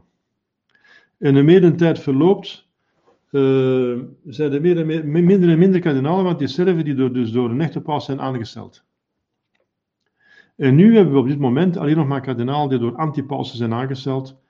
Dus ze zijn, niet, ze, zijn niet kardinaal omdat ze ketter zijn, maar ze zijn ook niet door een, een echte paus aangesteld. Dus er zijn al twee redenen waarom dat ze niet kardinaal zijn. Dus, uh, dus er is niet. Um, voilà. Dus dat, is, uh, dat zijn allemaal uitzonderlijke toestanden. Maar uh, de kerk heeft altijd voldoende van Jezus Christus gekregen om uh, tot einde van de wereld te functioneren. Dus moet maar, het is een kwestie van zoeken hè, in, de, in de geloofschat. Zoeken in de geloofschat. Welke zijn de medehelpers van de bisschoppen? Dat zijn de priesters, voornamelijk de pastoors, die gelast zijn de parochie te besturen. Ja. De pastoor heeft, uh, is, van, is, is, verantwoordelijk voor de, pastoor, voor de uh, parochie en de bisschop voor de bisdom en de paus voor de ganse kerk. Dat is normaal zo een beetje de ruwweg, de grote, de belangrijke. Nu zijn er geen ehm, pastoors meer in de, in de normale betekenis van het woord, namelijk die door, door uh, diocesane bisschoppen worden aangesteld en diocesane bisschoppen die aangesteld worden door een echte paus. Omdat er geen paus is, zijn er ook geen diocesane bisschoppen meer en ook geen normale pastoors meer. Maar er zijn toch bisschoppen die, uh, die functioneren zoals een diocesane bisschop en priesters die functioneren zoals een pastoor door suppletie, door, suppletie, door vervanging. Want de kerk kan niets, kan niets uh, iets essentieels verliezen. Dus uh, de functie van priester en van bisschop is essentieel, dat kan niet verloren gaan. Dus het is nu door suppletie, door vervanging, zoals ook het kanoniek recht dat voorziet. Wat zijn wij aan onze kerkelijke oversten verschuldigd? Uh, aan onze kerkelijke oversten zijn wij eerbied verschuldigd. We moeten ze beminnen, gehoorzamen, want zij hebben een herdesambt. Dus zij wijdt mijn schapen, wijdt mijn lammen. Dus de schapen moeten dus volgen. Uh, voor hen bidden en hen helpen in een geestelijke bediening. Natuurlijk geldt dat voor echte priesters, echte bisschoppen. Hè? Ja. De volgende keer zullen we spreken over de kenmerken van de ware kerk. Zijn hier nog vragen over uh, pauschap? Want het is heel gecompliceerd natuurlijk en heel complex. En ik weet nog wat we aan alle uh, dus opwerpingen hebben beantwoord. Misschien wel over de catechismusvragen staat hier dat uh, de medewerkers van de bisschoppen dat dat de pastoors zijn. Ja. Maar heel specifiek is dat, zijn dat dan kanonieken of niet? Nee, nee, de pastoors die vervangen de bisschop in een, een, bepaald gebied, want de, de, de, de bisschop is verantwoordelijk voor het ganse bisdom. Maar ik kan niet overal de mis gaan opdragen, dat is onmogelijk. Dus zijn de pastoors op die manier zijn medewerkers. Zij vervangen hem. Maar er zijn inderdaad zeer nauwe medewerkers die met hem in het bisschoppelijk paleis zitten om mee het bisdom te besturen, en dat zijn de kanuniken. De kanuniken, dat zijn dus de. Dat is, dat is wat, de, wat de kardinalen zijn voor de paus, zijn de kanuniken voor de bisschop. En wat de pastoors zijn voor de bisschop, zijn de bisschoppen, de diocesane bisschoppen voor de paus. Dus je hebt twee soorten van medewerkers. Degene die hem vervangen in een bepaald gebied, de pastoors, of degene die werkelijk fysisch met hem samenwerken, door de fysische tegenwoordigheid. De, je hebt de secretaris, eh, je hebt een ander is archivaris, de ander is verantwoordelijk voor uh, de dekens uh, en zo. Want je hebt nog tussen de, de en de, de pastoors heb je nog de dekens. Hè? De dekens. De dekens, dat zijn priesters die de lakens uitdelen. dus een deken is um, een doyen, hè?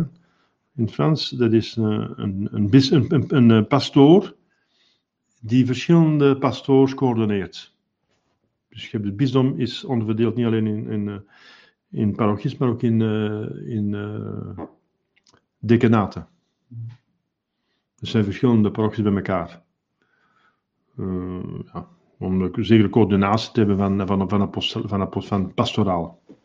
Dat je niet elkaar voor de voeten loopt, dat je een beetje samenwerkt en zo. Ja. Ook bisschoppen bisschoppen kunnen samenwerken. Als een bisschop te weinig roepingen heeft en een andere ook, dan kunnen ze uh, samen één seminarie doen in plaats van twee seminaries. Je kunt samenwerken, hè? je kunt het kwestie van overeenkomen. Hè? Zoals nu ook, bijvoorbeeld Mons en en Dolan hebben één seminarie. En dat wordt eigenlijk geleid door Mons en Sandborn. Dus Mons en Dolan, als die kandidaat heeft, sturen ze naar de seminar van Mons en Sandborn. Dat kan, hè? Ja. Goed.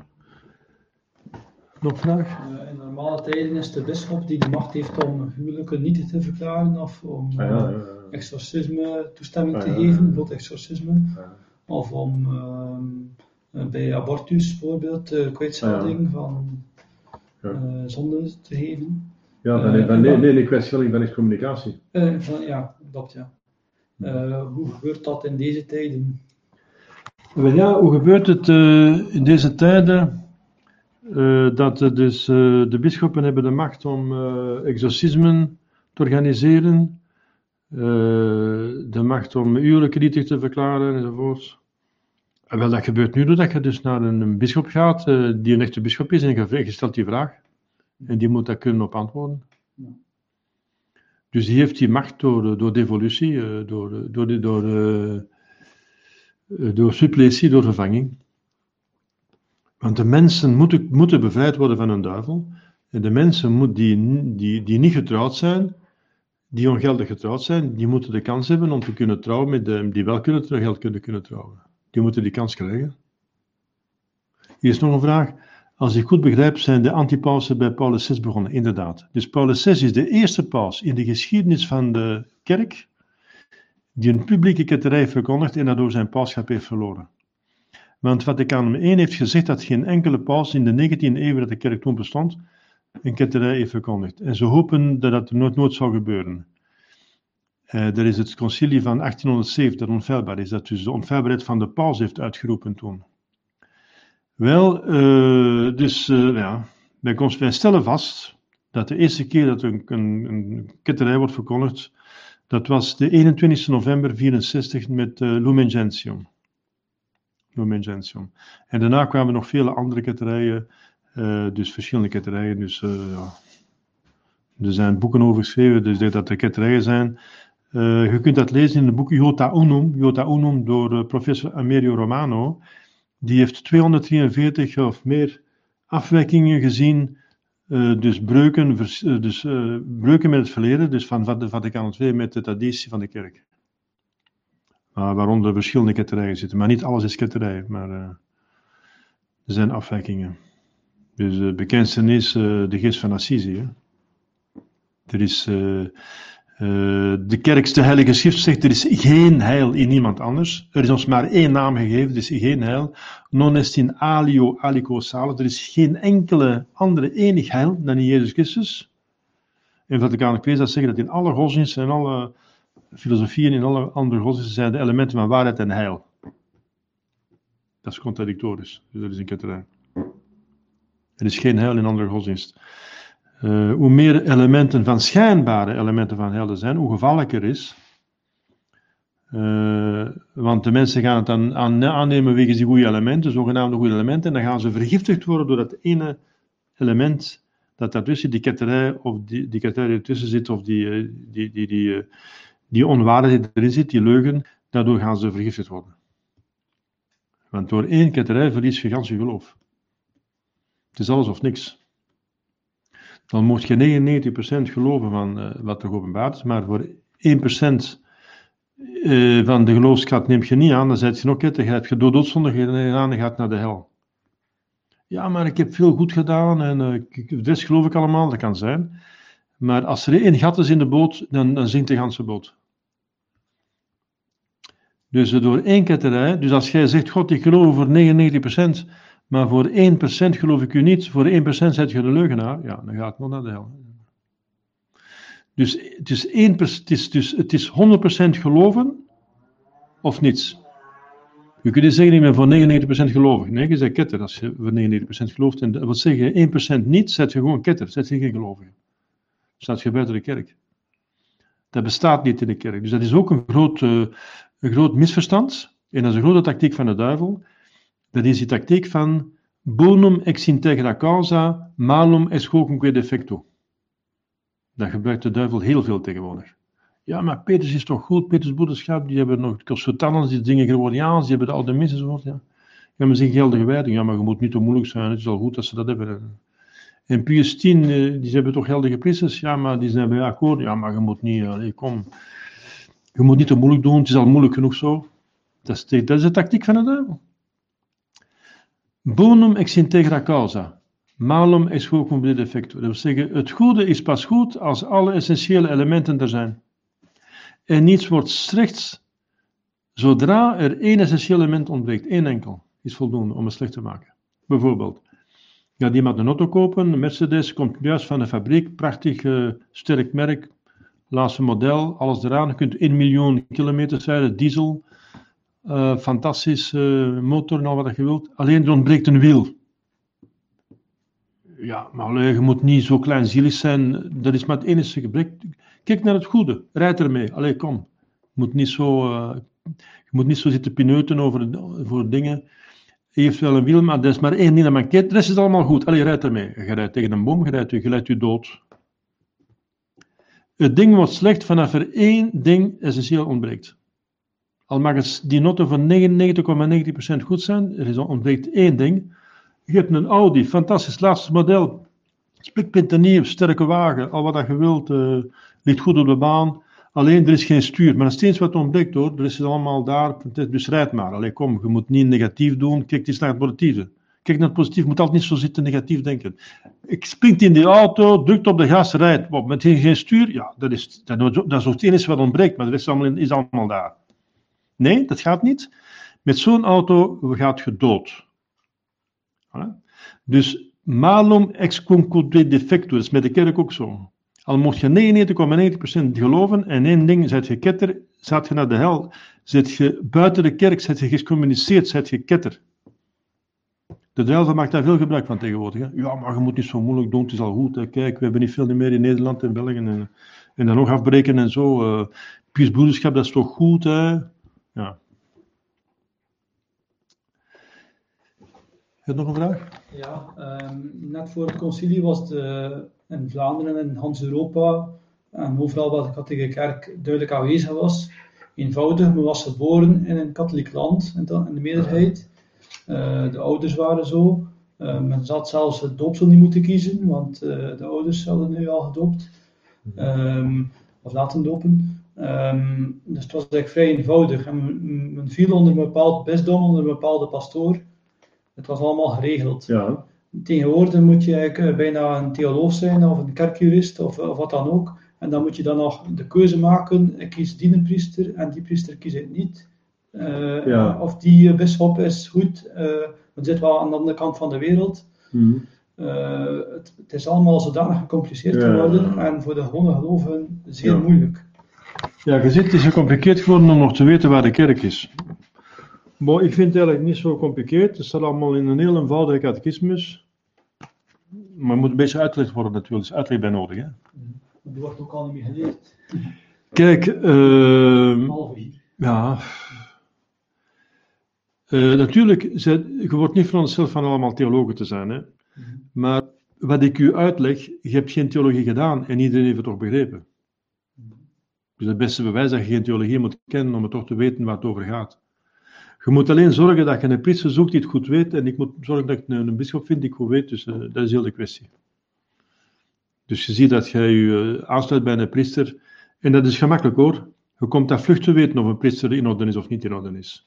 Als hij met dat boekje overeenkomt, als hij leert wat hierin staat, wat er altijd geleerd was voor het concilie, dan is hij in orde. Je, je, gaat, je gaat dat vlug bemerken.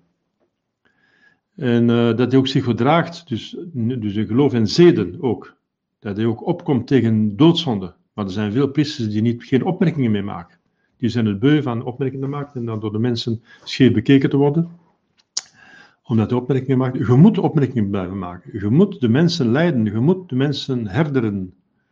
Je moet herder zijn. Je moet zeggen: dit is goed, doe dat. En dit is kwaad, doe het niet. Als jij niks meer zegt omdat je je vrede wilt, je wilt je gemak zegt, je wilt je gemakkelijk leven. Maar natuurlijk opmerkingen maken, dan krijg je tegenwind. Hè? Dat maakt hun niet sympathiek en de mensen gaan vaak de knip zitten op hun portefeuille omdat de priester opmerkingen gemaakt heeft. Ik ben buiten gesmeten geweest, in, uh, ik zal de naam niet noemen, in bepaalde miscentra die aan leken toebehoorden omdat ik opmerkingen maakte. Uh, ik heb twee opmerkingen gemaakt en die waren terecht uh, en ik lag buiten en ik moest niet meer komen. Hè. En die andere priesters die bleven komen, dat betekent die maakte geen opmerkingen. Nou, als je geen opmerkingen maakt, dan word jij als priester verantwoordelijk voor die zonden die gebeuren. Als jij, dus dat is een algemeen principe, dat wordt ook eh, te weinig gekend, dat is ook te weinig gekend tegenwoordig. Als je autoriteit hebt als ouder, leerkracht, priester, bischop, paus, hè, je hebt autoriteit, en jij ziet zonde gebeuren te midden van je onderdanen waar je verantwoordelijk voor bent, en je grijpt niet in, dan zult jij gestraft worden voor die zonde. Want jij hebt autoriteit gehad van God om in te grijpen en om het te regelen. En je hebt het niet gedaan. Dus jij bent verantwoordelijk voor die zonde. Voilà. Dat is voor die priesters die het zo gemakkelijk nemen en die dingen laten gebeuren. Er komen vrouwen binnen in minirok, met decolleté, uh, tot kan niet meer enzovoort. Uh, ik weet niet wat allemaal. Uh, de mensen waar samenwonen. Ik heb hier mensen gehad die heel vroom waren en die kwamen de mis zelfs elke dag en de misdienen en al wat ik wilde. Uh, maar hij heeft, hij heeft wel met een vrouw samen, waren niet meer getrouwd. Maar we hebben geen seks, we bidden te samen en we zijn vroom. En de pastoor zegt van de parochie dat het heel goed is en dat we goed doen. Uh, we hebben geen seks we, we, slapen wel bij elkaar, maar we hebben geen seks. Ja. Dat is door de kerk verboden. Hè? De, de gelegenheden tot zonden niet vluchten, opzoeken, is reeds een doodzonde. Ook al doet je de doodzonde niet. Maar waarschijnlijk zult je ze wel doen, want normaal mens die gezond is, ofwel zijt je niet gezond. Normaal een mens die gezond is, uh, er komt iets van. Hè? Als je een kat op het spek bindt, dan gaat die kat uh, de spek beginnen te eten. Hè? Dat is de natuur die werkt, dus dat is normaal. Dus, dus maar je moet alleen die gelegenheden tot zonde niet, op, niet opzoeken.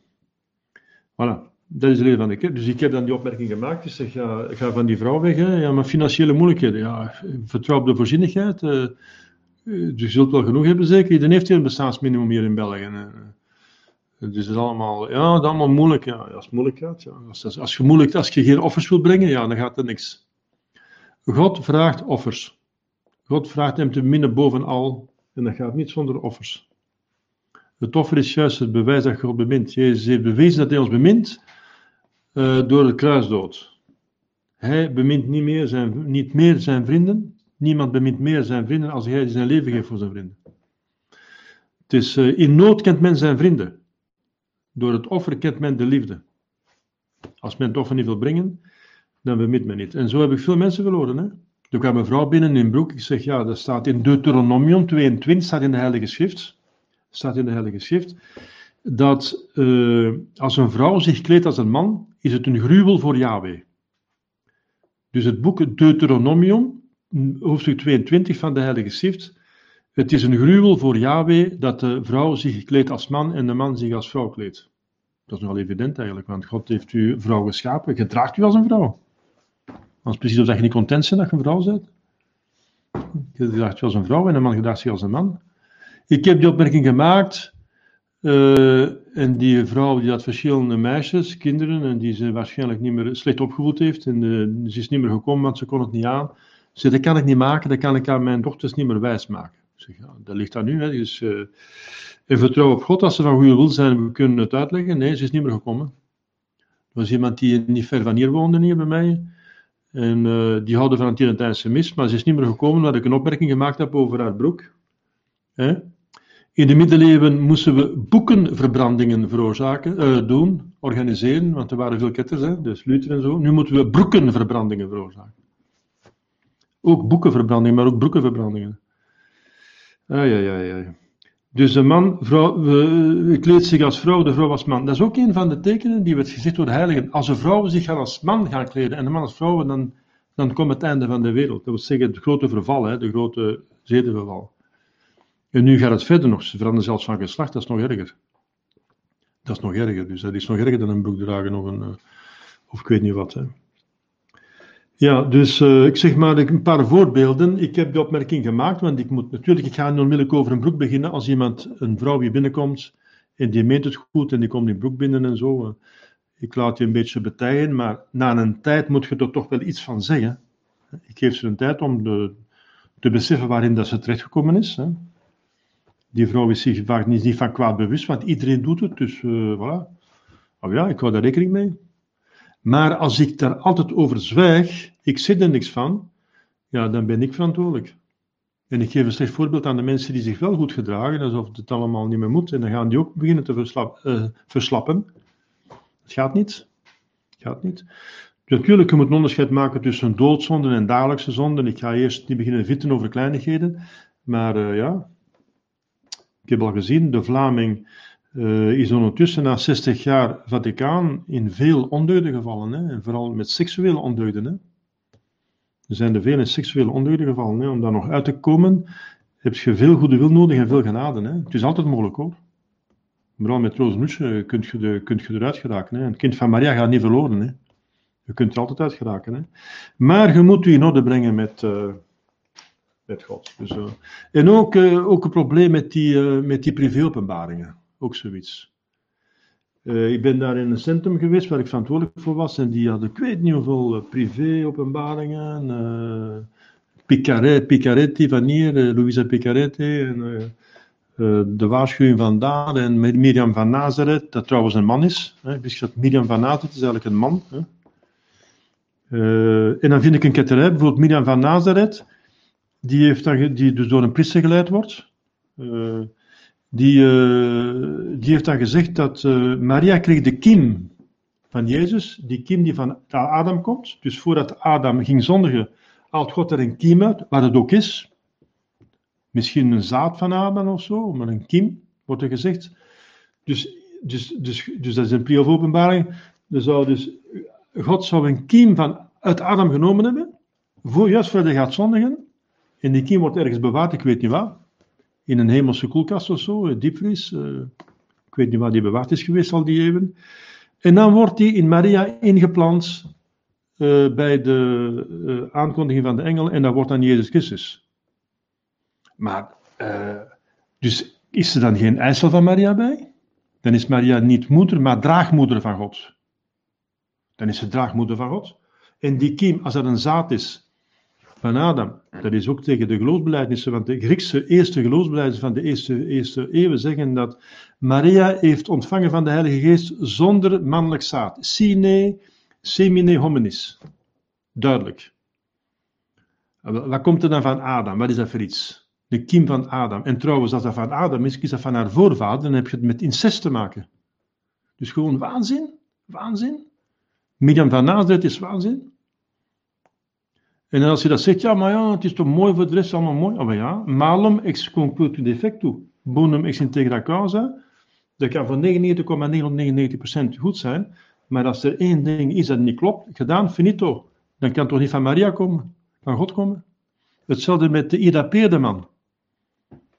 Uh, zij die eens Maria was. Ja, dan is ze nu Maria niet meer. Dan kunnen we, en dan de mis van de naam van Maria, die moeten we afschaffen dan.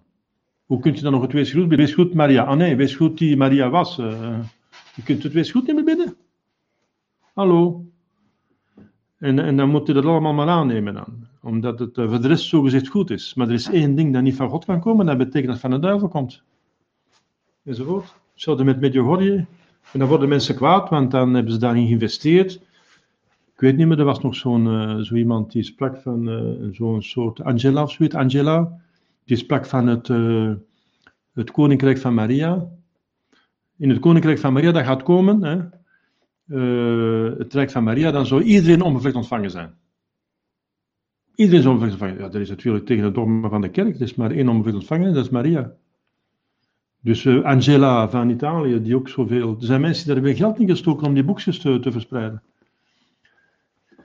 En die waren dan kwaad omdat dan die boekjes, uh, ze hadden geld ingestoken. En dan waren ze kwaad op mij. En dan het, kruis van Dozulé. Het kruis van Dozulé staat op een basis. In die basis zijn er drie kerken. De, de, de Dozulé. Eén uh, kerk is voor de, voor de christenen, de ander voor de joden, de ander voor de islamieten. Wat is dat voor iets? Is dat het kruis van Christus? Hallo, waar zijn we mee bezig?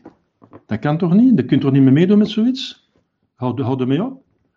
En dan zuster Faustina die over barmhartigheid spreekt, maar je hebt, er wordt nooit gesproken over spijt voor de zonde. We zijn nu barmhartigheid uh, van Jezus, de gaat van Jezus vandaag.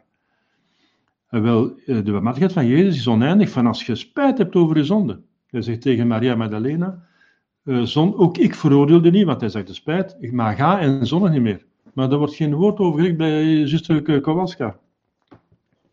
Dus een barmhartigheid zonder spijt. Je moet geen, er wordt niet gevraagd dat je spijt hebt over zonde. God vergeeft zo de zonde zonder spijt. Dat is een, dat is een van een duivel. Dat is, dat, is, dat is verkeerd. Hier is nog een vraagje. Ze hebben de ziel,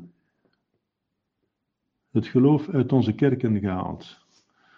Het tabernakel staat niet meer een, een centraal in onze kerken. De communiebanken bovenaan het koord hangen. Eden, uh, Eden, protestant, voelt zich thuis in onze kerken. Ja. Maar ja, ik zal antwoorden, dat zijn onze kerken niet meer. Vanaf 21 november 1964 zijn dat onze kerken niet meer. Dus de paus is ketter geworden, dus heeft zijn pausschap verloren. 2500 bisschoppen zijn ketters geworden, staan buiten de kerk. 450.000 priesters met al hun kerken en parochies en al hun seminaries en alles, allemaal ketters geworden. 1 miljard mensen zijn ketters geworden. Objectief gezien, hè. subjectief ga ik niemand oordelen. Maar er zijn ook mensen die het goed menen bij de boeddhisten. Hè. Maar daarmee is het boeddhisme niet goed. Er zijn mensen die de staat van uh, genade hebben, die het toeval van begeerten hebben bij, uh, bij de islamieten. Maar daarmee is islam toch niet goed. En wel, daarmee zijn het mensen die goed menen in de conciliaire secte, maar daarmee wil dat niet zeggen dat ze in de kerk zijn. Ze staan officieel buiten de kerk. Dat zijn onze kerken niet. Ze hebben het ziel uit onze kerken gehaald, ja, maar dat is niet waar. Dat, was, dat waren onze kerken niet meer. Maar dat is gebeurd na de ketterij van uh, Paulus. Dat waren toen al onze kerken niet meer. Tabernakel, dat was ons tabernakel niet meer, dat zijn onze kerken niet meer. Dat was onze kerk niet meer. Je bent daar natuurlijk nog emotioneel aan verbonden, dat is mijn parochiekerk, ik ben erin gedoopt enzovoort. Maar het is niet meer, je moet je verstand erbij houden. Het geloof. Ik weet, emotioneel is het zo. Ik heb het zelf meegemaakt. Ik ben geboren, ik ben in 52 geboren, ik ben geboren in de katholieke kerk, alles was katholiek. De ganse gemeenschap. De, de reden priesters rond in soutanen en uh, in, op fietsen en zo. Getonsureerd zelfs nog. Met een keppertje op nog uh, van vroeger. Uh, dus de, de dingen van, van de priester had hij nog goed om om het tonsuur te bedekken. Allemaal meegemaakt. overal kloosters. Ik weet niet hoeveel religieuzen die voor u baden. We moesten minder bidden.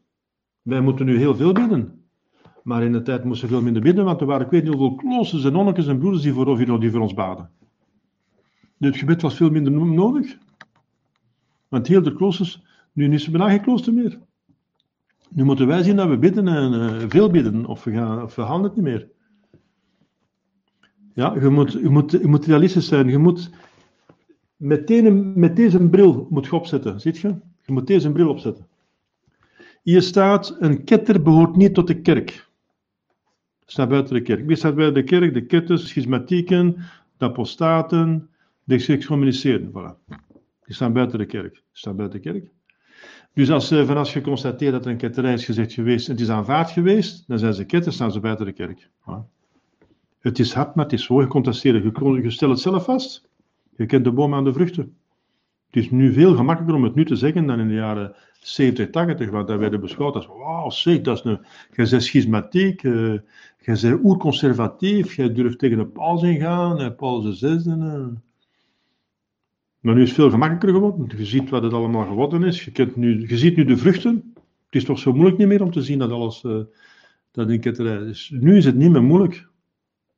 Met zo'n antipaus, die, die een Pachamame aanbidt. Allee, kom, is toch gedaan. Noemt die alsjeblieft niet meer paus. Dat is een belediging aan onze Heer Jezus Christus. Noemt die, die secte geen katholieke kerk meer. Dat is een belediging aan de katholieke kerk. Dat is een goddelijke instelling. Dat is een belediging aan God. Alsjeblieft, noemt ze zo niet meer. Noemt dat niet onze kerk, alsjeblieft, we hebben niks mee te zien. Johannes, Johannes eh, de apostel zegt dat je niks, je moet zelfs de ketters niet groeten. Dat staat in de Heilige Schrift. Groet de ketters niet en ga niet in hun huizen om geen uh, gemeenschap te hebben aan hun werken. Groet ze niet. Die ketters mag men zelfs niet groeten. Dat staat in de Heilige Schrift. Paulus Formizas zegt dat men met een ketter geen, uh, vriendschappelijk mag om, geen vriendschappelijke omgang mag hebben. Behalve om ze te bekeren, dat wel. En als het niet over godsdienst gaat ook. Hè. Als je bakker uh, ketter is en je wilt een brood kopen, ja, je mocht... Uh, maar niet over godsdienst geen godsdienst in verband, geen vriendschap in verband met de godsdienst. Want dan krijg je, dan, ja, dan komt gewoon een invloed en dan, risk, dan zet je je geloof in gevaar. Je mocht je geloof niet in gevaar brengen. Dat is een zware zonde van je geloof in gevaar te brengen. Ja. Het is nu toch niet zo gemakkelijk, niet zo moeilijk meer om dat zo te, te zien. Hè. natuurlijk, eh, als je natuurlijk in een streek woont waar heel weinig nog gelovigen zijn en geen, weinig of geen priesters meer die het geloof hebben, ja, dan, maar dan zie je dat de kerk daar vergaan is. De kerk is daar vergaan. Er zijn nog streken waar uh, veel gelovigen zijn, zoals in Bretagne. Je hebt daar BGP met 400 gelovigen, AB, uh, katholieken, traditionalisten, dus sedevacantisten, dus 400, AB, Roger met 400 gelovigen, heb je pater Rigoberto met honderden gelovigen en zo. Dus je hebt daar nog streken waar heel veel mensen, natuurlijk in Amerika, je hebt uh, Semery, die, die duizenden gelovigen hebben. Maar er zijn streken waar geen gelovigen meer zijn. Zoals in Nederland, ze zeggen ja, maar dan moet je niet in de verleiding vallen van wat nog op het geloof schijnt van dat als geloof aan te nemen. Hè. Hier zijn nog een paar mensen die, die zich noemen katholiek en die doen nog wat vroom en zo. Dus dat zijn de katholieken, nee. Ze moeten wel voldoen aan de voorwaarden om als katholiek beschouwd te worden. De gedoopten, die de leer van Christus geloven en beleiden, onder het wettelijk gezag. Hè. Dat, is, hebben we gezien. Hè. Voilà. Zijn de leden van de Heilige Kerk, dat is, nu, vraag 107, alle gedoopten die de lering van Christus beleiden en het gezag van de wettige herders van de kerk erkennen. De wettige herders. Dus geen indicatus zijn. Dus die de wettige priesters en bisschoppen erkennen, die de lering van Christus bewaren, dus de, de oude catechisme bewaren, en die geldig gedoopt zijn. Dat zijn de leden van de kerk. En die anderen zijn het niet. Zijn geen leden van de kerk. Het is, het is hard, maar het is de waarheid. En de waarheid zal u vrijmaken. Ik kan er opstand doen. We moeten de... Ik heb er ook heel veel onder geleden. Ik heb, de, ik heb de katholieke kerk moeten verlaten omdat ze conciliaire secte werd. Ik heb de karmel moeten verlaten, want uh, de hossies vielen op de grond en je moest over de hossies lopen. Ik heb mijn parochie moeten verlaten voor dezelfde reden. Uh, ik heb de priesterboederschap moeten verlaten, of ik ben buitengezet geweest, om, omdat ik dan de waarheid zei over een kettische paus. Zeggen, je hebt gelijk, maar zwijg erover. Ja, je mocht er niet over zwijgen, stond in de regels van, uh, van de kanoniek rechts. Ja, dus ik heb al veel moeten verlaten, hè, maar ja. Dus God geeft voldoende genade. Zegt, het is moeilijk om nu nog het onderscheid te maken, maar we hebben voldoende genade. Hè. Dus zoek naar een priester die het, goed weet, die, die het goed weet en die het kan uitleggen, zoals ik nu uitleg. Zoek naar een priester, schaat u erachter. En, en, ik moet, en ik zal zorgen dat ik naar naar een goede bischop zoek. Dus uh, het moet nog te doen zijn. De kerk, de, het is een dogma dat de kerk van deze aardbodem niet kan verdwijnen. Dat is onmogelijk. Dat is een belofte van Jezus. De poorten der hel zullen aan niet overweldigen. Dus ze zal bestaan, maar klein. Jezus heeft nooit een belofte gedaan over de grootheid, het aantal van de leden. Dus de kerk is wat hieraan beantwoordt. Aan die catechismus, want ze is één. We zullen nog zien, de kenmerken van de kerk is één. Dus ze heeft één leer. Ze kan niet breken met, met het verleden onmogelijk, maar dan is er een andere kerk. De kerk is één. Dus, dus de kerk die hiermee overeenkomt, dus die gelovigen die hiermee overeenkomen, die zijn de kerk. Die zijn de kerk. Dat is niet zo moeilijk. Is zo, natuurlijk, het is moeilijk in de praktijk, want je moet offers brengen, daar ben ik mee akkoord. Maar in theorie is het niet zo moeilijk. Hè? Ja, in theorie inderdaad niet. Maar uh, de eerste stap voor een gelovige is dat hij zijn catechismus kent maar hoe kan hij het kennen als hij het niet geleerd heeft? Uh, ja, maar ja, ja, de tweede. Moet hij uh, dat juist interpreteren, de catechisme, want er wordt geen uitleg verder bij gegeven. Mm. En dan is het uh, moeilijk, dan is het bijna een protestantse interpretatie van het catechismus, heilige schrift en zo, dat je moet doen. Zelf, zelf de, de eigen verstand gebruiken en de eigen goed geweten, om dan een priester te kiezen uiteindelijk, of ja, te zien dat de priester overeenkomt met de catechismus. Dus dat is ja, het, uh, dat is, dus die, die, wat dat je zit, dat is gewoon protestants. Dat, dat gebeurt niet zo in de kerk. Je krijgt het geloof van de kerk, dus van de priester en van de bisschop. Dus dan, het eerste wat je moet doen, is eigenlijk naar een juiste priester zoeken en een juiste bisschop. Hoe weet je dat, wie dat juist is? Ah, ja, omdat je overeenkomt met wat je toch het minimum kent. Je weet een minimum. En dat komt daarmee overeen. Maar gaat niet met uh, verschijningen, gaat niet in een telefoon. Hallo, hallo, uh, hoe zit het hier? Uh, Maria, krijg ik Maria aan de lijn, Sint-Petrus, krijg ik Maria aan de lijn alsjeblieft? Ik zou willen weten, zo gaat het niet. Hè? Veel mensen gaan met een rode lijn naar boven, hè? die gaan naar PV-openbaringen en die lopen volledig met hun gezicht tegen de muur. Hè? Die komen in een moeras terecht, want een duivel gaat dan ook meespelen. Want dat is niet de manier waarop God functioneert. Um, met de dood van de laatste apostel zijn de openbaringen opgehouden. Opgehouden. De openbaringen die je nodig hebt. Dus met de dood van de laatste apostel is het woord op aarde geweest en is alles gezegd geweest. Het woord is mens geworden, het heeft onder ons gewoond en het heeft zich openbaard. Dus het woord van God is gesproken geweest. En als God iets zegt, is het perfect. Het is volmaakt. Er mag niks meer toegevoegd worden, ontbreekt niks aan. Dus aan de openbaring van Jezus Christus, rechtstreeks evangelie of onrechtstreeks via de apostelen, is er ontbreekt er niks. Dus er komt geen openbaring meer bij.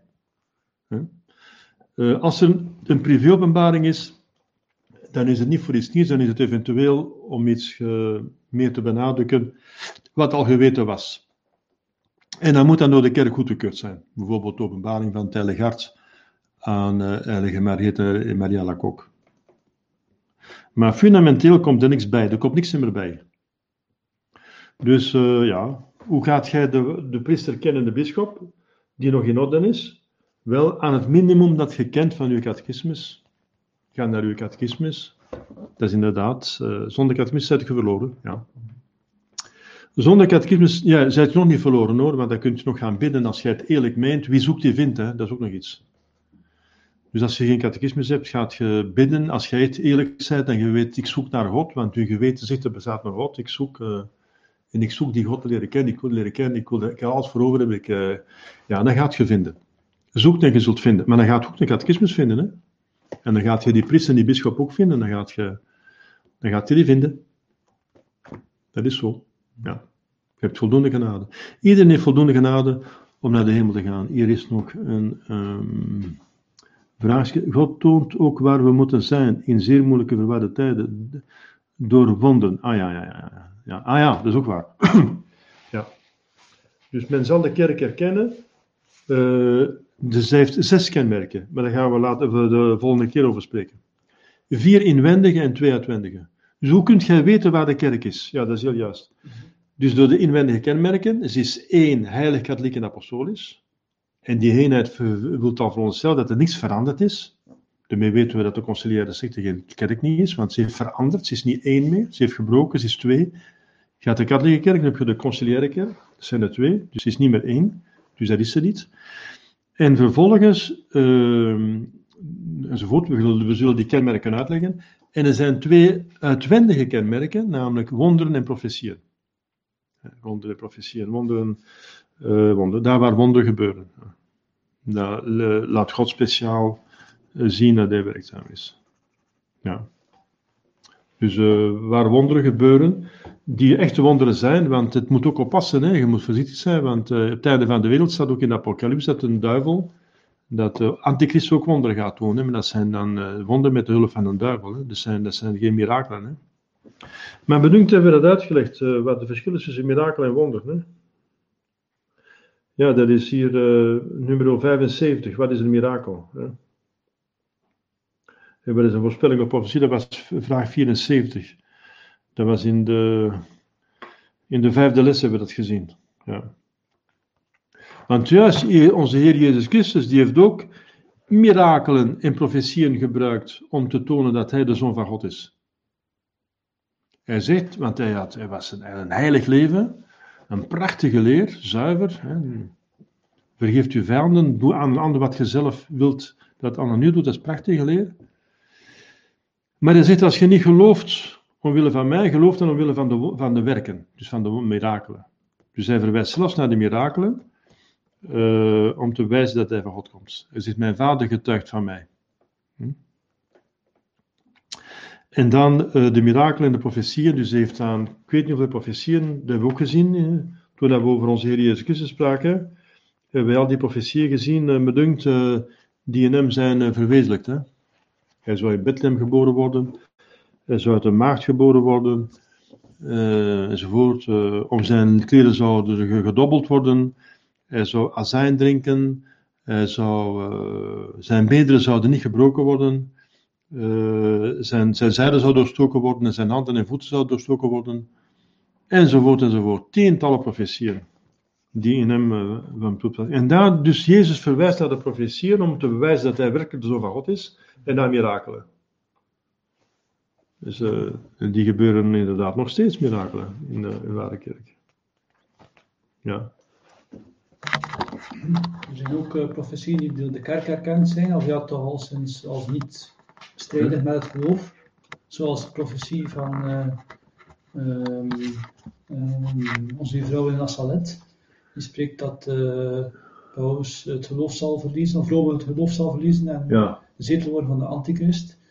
Ehm, en in Nassalet wordt er ook dan gezegd, of ja, heeft onze vrouw ook gezegd, dat de kerk in een, een soort eclipse zal zijn. Dus niet meer zichtbaar. Je al, maar nee, een eclipse is nog zichtbaar, hè? Ja, maar In een eclipse ziet je nog steeds de zon, de aura van de zon, hè? Mhm. Dus dat kan niet, dat, dat, dat, je moet oppassen. Hè. De kerk kan niet volledig onzichtbaar worden. Want er is een van haar kenmerken dat de kerk zichtbaar is. Die kan ze niet verliezen. Maar als ze heel klein wordt, dat er weinig is, dat is zo. Maar de eclipse wil zeggen, een eclipse wil zeggen, dus je hebt een zonsverduistering, maar je ziet nog steeds waar de zon is. Hè? Maar uh, je ziet nog steeds het licht dat er rond de maan hangt. Want de, de eclipse betekent dat de maan tussen ons en de zon staat. Maar je ziet nog steeds waar de zon is. Dus een eclipse wil niet zeggen dat je dus de kerk helemaal niet meer vindt, hè, niet meer ziet. Dat, is, uh, dat kan niet. Dat is onmogelijk. Want dan, is, dan heeft de hel ook weer gewonnen. Ja. Ja, het is wel omdat er uh, in de Sint Pius broederschap onder andere priesters zijn die zeggen, ja, de kerk is niet meer zichtbaar. de, de, de, de kerk tenminste van de, de vacantisten voor zich houden, omdat er, ja, die bisschoppen, waar zijn die dan? En, ja, waar zijn, zijn, zijn die Ik heb ze gezien ze zijn, de bisschoppen. Ja, ja. Ja, natuurlijk. Ja. ja. Maar die zijn zodanig weinig in aantal. En, uh, weinig in aantal. In de broeders hebben ze maar drie, wij hebben er uh, twintig, ik weet niet hoeveel. Ja. Dat is, wel, dat is niet waar. Dat is niet waar. Ja, dat klopt inderdaad niet. Dat klopt niet. Ja, dat is het. Dus er wordt allerlei ook onzin verkondigd. En, uh, ja, met, met, gezond verstand kun je al veel oplossen. Hè. Zij beschouwen de paus nog, ja, de antipaus als paus. Vandaar dat ze denken dat is de zichtbare kerk dan. Nee. Instituutkerk. Nee, dus door het meketterij verlies je je behoren tot de katholieke. Natuurlijk is, moet je een, uh, een formele ketten zijn, dat betekent je moet hardnekkig zijn. En dat gebeurt door weer aanmaningen door de overheid. Maar met die aanmaningen zijn gebeurd. Hè. Dus Paulus VI heeft aanmaningen. Dus dat het, het, het, ehm, de uitzondering is de paus, die heeft geen overste. Maar daarvoor staat dat dus de, de gezond gebleven, de katholiek gebleven bisschoppen aanmaningen doen. En als hij dan nog volhoudt, ja, dan zegt Rufinus, de kerkvader, dan uh, verliest hij zijn pausschap met terugwerkende kracht. En Paulus VI is officieel gestorven in 78 en uh, heeft zich nooit bekeerd. En dus met terugwerkende kracht heeft hij zijn pausschap verloren van de 21 november 64. Uh, Ook al is het een ingewikkelder dan dat, want er zijn serieuze, ernstige bewijzen dat uh, er een dubbelganger was van Paulus. En dat komt omdat Paulus zich aan het bekeren was. Op een gegeven moment, uh, in de loop van de jaren 70, gaat hij uh, de encycliek uitvaardigen Humane Vitae, waardoor hij de pil uh, verbiedt. Dat is een bliksemslag bij heldere hemel. en het was helemaal, dat schoot in de verkeerde keel gaat bij de, bij de modernisten, bij de, bij de liberalen en bij de, bij de. Want hij begon toen echt, ja, hij begon toen terug te keren uiteindelijk, dus conservatief te worden. En een tweede teken dat hij zich aan het bekeren was, was dat hij dus dan uiteindelijk uh, de credo uitbrengt, de credo van Paulus VI, en waarin hij de transubstantiatie leert. En dat is ook uh, typisch katholiek, en dat, uh, dat, dat, vinden de protestanten niet goed, en de anglikanen. Dus dat was niet ecumenisch van zoiets te zeggen. Enfin, dat was heel goed, dat was katholiek van zoiets te zeggen, maar dat was niet ecumenisch. En dat is heel eigenaardig. Dus dat betekent dat Paulus VI, de ware teken dat Paulus zich aan het bekeren was. En uh, dat is ook uh, mogelijk, want er werden honderdduizenden missen opgedragen per dag, waarin ook voor de paus gebeden wordt in de, in de kanon. Tegitur, uh, una cum Papa Nostro, Paulus VI was dat toen, hè? werd er voor hem gebeden. En ja, er zijn nog pausen bekeerd. Hè? Je hebt een paus gehad die door verschillende geschiedschrijvers zeggen dat Pius IX ook vrijmetselaar was en dus als paus gekozen werd, maar die heeft zich ook bekeerd. Maar het zeker is dat hij liberaal was. Hij zich bekeerd. Er zijn honderdduizenden missen die per dag opgedragen worden, waar ook voor de paus gebeden wordt. Dus die heeft zich bekeerd en die is zelfs een hele goede paus geworden die de moderne dwaling heeft veroordeeld. Wel, als het met Paulus VI ook het geval was, dat hij zich aan het bekeren was, dan was dat niet uh, volgens de vrijmetselarij. Dus er waren heel veront, ver, veront, uh, uh, veel dus verontnoegd. Hè. En die hebben dan, ja, ze hebben hem dan geprobeerd te vergiftigen, dus met psychodelica. Dus ze hebben hem geprobeerd te vergiftigen, dus dingen te stoffen te geven in zijn eten, waardoor hij makken zou worden. Is niet gelukt, staat ook in het Heilige Schrift. dat als men nu zou vergiftigen, het zou niet, niet, niet pakken, het vergif. Dan hebben ze hem uiteindelijk besloten van hem, uh, dus door iemand anders te vervangen, hem op te sluiten. Maar het was dan ontdekt door uh, Deurman bijvoorbeeld, want je ziet bij die andere paus, of die persoon die hem vervangt, dat hij een andere oorschelp heeft. De oorschelp is zo individueel zoals de vingerprinten individueel zijn. Dus ze zijn geen twee dezelfde oorschelpen. En je kunt zien bij Paulus 6 in het begin van de jaren 70 en op het einde van de jaren, uh, dus uh, sinds, sinds 77, dat het, twee, dat het verschillende oorschelp was. Ook de kleur van de ogen verschilt lichtelijk. En ook een beetje de textuur van, de, van het gezicht. Dus die, er is een priester die een chirurgische operatie heeft ondergaan om Paulus 6 te vervangen. En uiteindelijk dus werd Paulus 6 vervangen, gevangen genomen, en, maar is ontsnapt. Dus ook Monseigneur Gillard de Rollier kende persoonlijk leken die werkten voor het Vaticaan en die wisten in welke kamer Paulus VI was opgesloten. Ook Monseigneur Gillard de Rollier getuigt ervan. Uh, ik weet het zeker via de zoon van een veiligheidsofficier, een hele hoge veiligheidsofficier, uh, van, de, dus van de geheime dienst in Frankrijk. En die zoon heeft met mij gesproken, dat is een traditionele. Uh, die heeft gezegd: Mijn vader heeft gezegd. Uh, de vrijmetselarij zocht Paulus VI naar de dood van Paulus VI. Dat betekent dat de echte Paulus VI niet dood was. En dat hij gezocht werd omdat hij dus inderdaad ontsnapt was. Dat wil zeggen dat, hij dus, dat de echte Paulus VI niet, niet dood was, dat degene die dood was niet Paulus VI, maar een dubbelganger, en dat Paulus VI ontsnapt was. Dat wil drie dingen zeggen. En als ze hem zoeken, dat betekent hij is gevaarlijk, dat betekent hij heeft zich aan het bekeren, hij wil alles terug recht trekken. Maar vermis de, de kerk de grootste hinderpaal is voor de world uh, order en de world government, de katholieke kerk, uh, waren ze blij dat de katholieke kerk, uh, enfin, kwantitatief verwoest was. Dat 99,9% van de kerk verwoest was. Daar was heel content over. Dus nu, als ze een dat zou, kunnen, zou willen terugschroeven, zouden ze, ja, dat is ergens wat er voor hun zou kunnen gebeuren. Daarom was Paulus VI de meest gezochte man van de hele wereld. Maar nadien hebben we niks meer van gehoord, dus hij is uh, waarschijnlijk overleden. Er zijn, nog, er zijn nog exorcismen geweest, waarin de duivel bekende, ja, Paulus is ontsnapt, hij zit in Kreta, hij wordt daar ontgift door christenen, wordt hij goed, want uh, hij wordt goed verzorgd, is daar aan bekomen, hè, is aan bekomen, en daarna is hij dus naar Fatima gegaan, uh, woont hij in Portugal, en daar is hij gezien geweest door een priester die zegt dat hij hem gezien heeft, Abbé Zorzi, die zag een man in Sultan naar hem toe komen en hij zegt, welke mis doet jij? Hij zegt, uh, aan Paulus 6, doet die mis nooit meer, neem de Tridentijnse mis. Doet hij nooit meer. En dan verdween hij. En daarna is hij gaan kijken uh, en hij heeft toen toevallig hoorde hij Paulus 6 in een filmpje spreken en zegt, ja, dat is dezelfde stem en hetzelfde gezicht als Paulus 6. Dus er is uh, Abbé Zorzi, een priester die zegt dat hij hem nog gezien heeft in de 2000 en ik weet niet wat, 2000, in het jaar 2006, 2007, 2000. Maar sindsdien horen we er niks meer van. En waarschijnlijk is hij overleden, want hij heeft waarschijnlijk heel veel boete gedaan, want hij heeft, uh, dat is de eerste pas die heel veel, heel veel kwaad gedaan heeft. Hè. Dus, uh, hij is de verantwoordelijke dat die kerk zich in elkaar gestort is. Als die man zich bekeerd heeft, heeft hij veel, veel boete moeten doen. enfin, tuurlijk. God is, uh, als gespijt heeft, vergeeft God. Hè? Maar normaal is hij dood, want uh, uh, hij is geboren in 1898. Dus hij zal nu meer dan 120 jaar zijn. Hetgeen dat volgens de Heilige Schrift onmogelijk is. Want Jezus zegt, God zegt na de zonvloed, en nu wordt de mens niet ouder dan 120 jaar. En is ook niemand ouder geworden dan 120 jaar. Volgens gecertificeerde documenten. Hè? Je hebt nog een mademoiselle Calment, die 122 jaar geworden is, maar dat is een fraudeuse. Ze heeft de plaats ingenomen van haar moeder, omdat die een, um, omdat die een, een, een huis had uh, verkocht op lijfrente.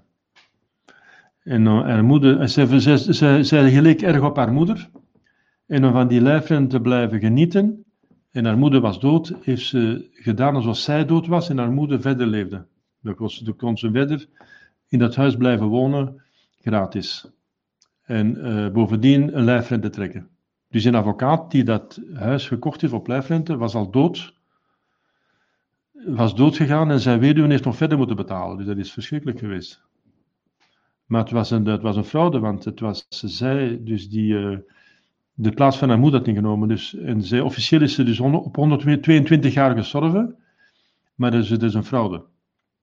Dus heel die kwestie van mademoiselle Calment in het zuiden van Frankrijk, in het begin van de 20e eeuw, uh, was dat in de loop van de 20e eeuw, dat is een fraude. Dus er is niemand die wij kennen die meer dan 120 jaar geworden is. Dus een Paulus 6 waarschijnlijk ook niet. Natuurlijk, God kan mirakels doen, hè, maar dan weet ik het niet. Dus, uh, normaal gezien is Paulus 6 dood. Hè, dus, een, dus hij heeft nooit zijn ketterij publiekelijk rechtgetrokken. Dus hij is officieel ketter en is, hij heeft zijn spaarschap verloren vanaf 64. En, en, trouwens, al zijn opvolgers, Johannes Paul I, Johannes Paul II enzovoort, zijn allemaal ketters. Johannes Paul I was wel iemand die tegen de vrijmetselarij was, omdat hij zag dat door de corruptie van de vrijmetselarij, met dat financieel gesjoemeld met de Banco Ambrosiano, dat er veel mensen, gewone gelovigen, hun geld zijn kwijtgeraakt, hun spaargeld. En dat was dat was heel kwaad op, want dat was een, iemand die voor het volk was. Dus dat was iemand die was tegen de vrijmetselarij, en heeft de vrijmetselarij willen uit het Vaticaan uh, zetten, maar daarvoor is hij ook vermoord geworden. Na een maand heeft hij dus giftige koffie gekregen, is hij vermoord door koffie. Uh, omdat hij de vrijmetselarij uit de Vaticaan II wou wegkrijgen. En, uh, maar hij, was voor Vaticaan II, hè? want zijn naam was Johannes Paulus I. Johannes van Johannes 23 en Paulus van Paulus VI. Door die naam te kiezen wou hij beduiden dat hij het concilie wou verder zetten. Dat hij tegen de traditionalisten waren, tegen de beweging van Mons Lefebvre. Hij zei, ja, ik ga dat doorzetten, die concilie. Ik, ik, mijn naam is Johannes Paulus, want ik ga zoals zij verder doen. Dus hij was wel tegen de vrijmetselarij, maar het was een ketter. Hier is nog een vraag. De hostie die rood begon te kleuren terwijl er vijf getuigen naar keken, is echt menselijk bloed. Ja, er zijn specialisten bij geweest en eh, die hebben dus gezegd dat het dus onverklaarbaar is en dat het dus alle kenmerken heeft van bloed. Het is een vloeistof, het is viskeus, het heeft de kleur van bloed en ook door infra, uh, uh, ultraviolette stralen kleurt het donker, betekent er zit ijzer in. In bloed zit ijzer. Daarmee dus kleur is als je dus violet opzet, want je kunt het niet openmaken. Hè? Je kunt er geen staal uitnemen, of, want het is helemaal opgesloten. Maar het heeft alle kenmerken van bloed. Dat is al zes jaar geleden gebeurd, in 2016, ja. 7 juli 2016. Ja. Ah ja, uh, ja, goed, ja. Inderdaad, dus dat is een mirakel. We zeggen dus een, een fenomeen dat niet verklaarbaar is in godsdienstige opzicht, inderdaad. Dus het is niet het enige, hè. dus ik heb ook nog de, uh, die, uh, die foto van de heilige Casimirus.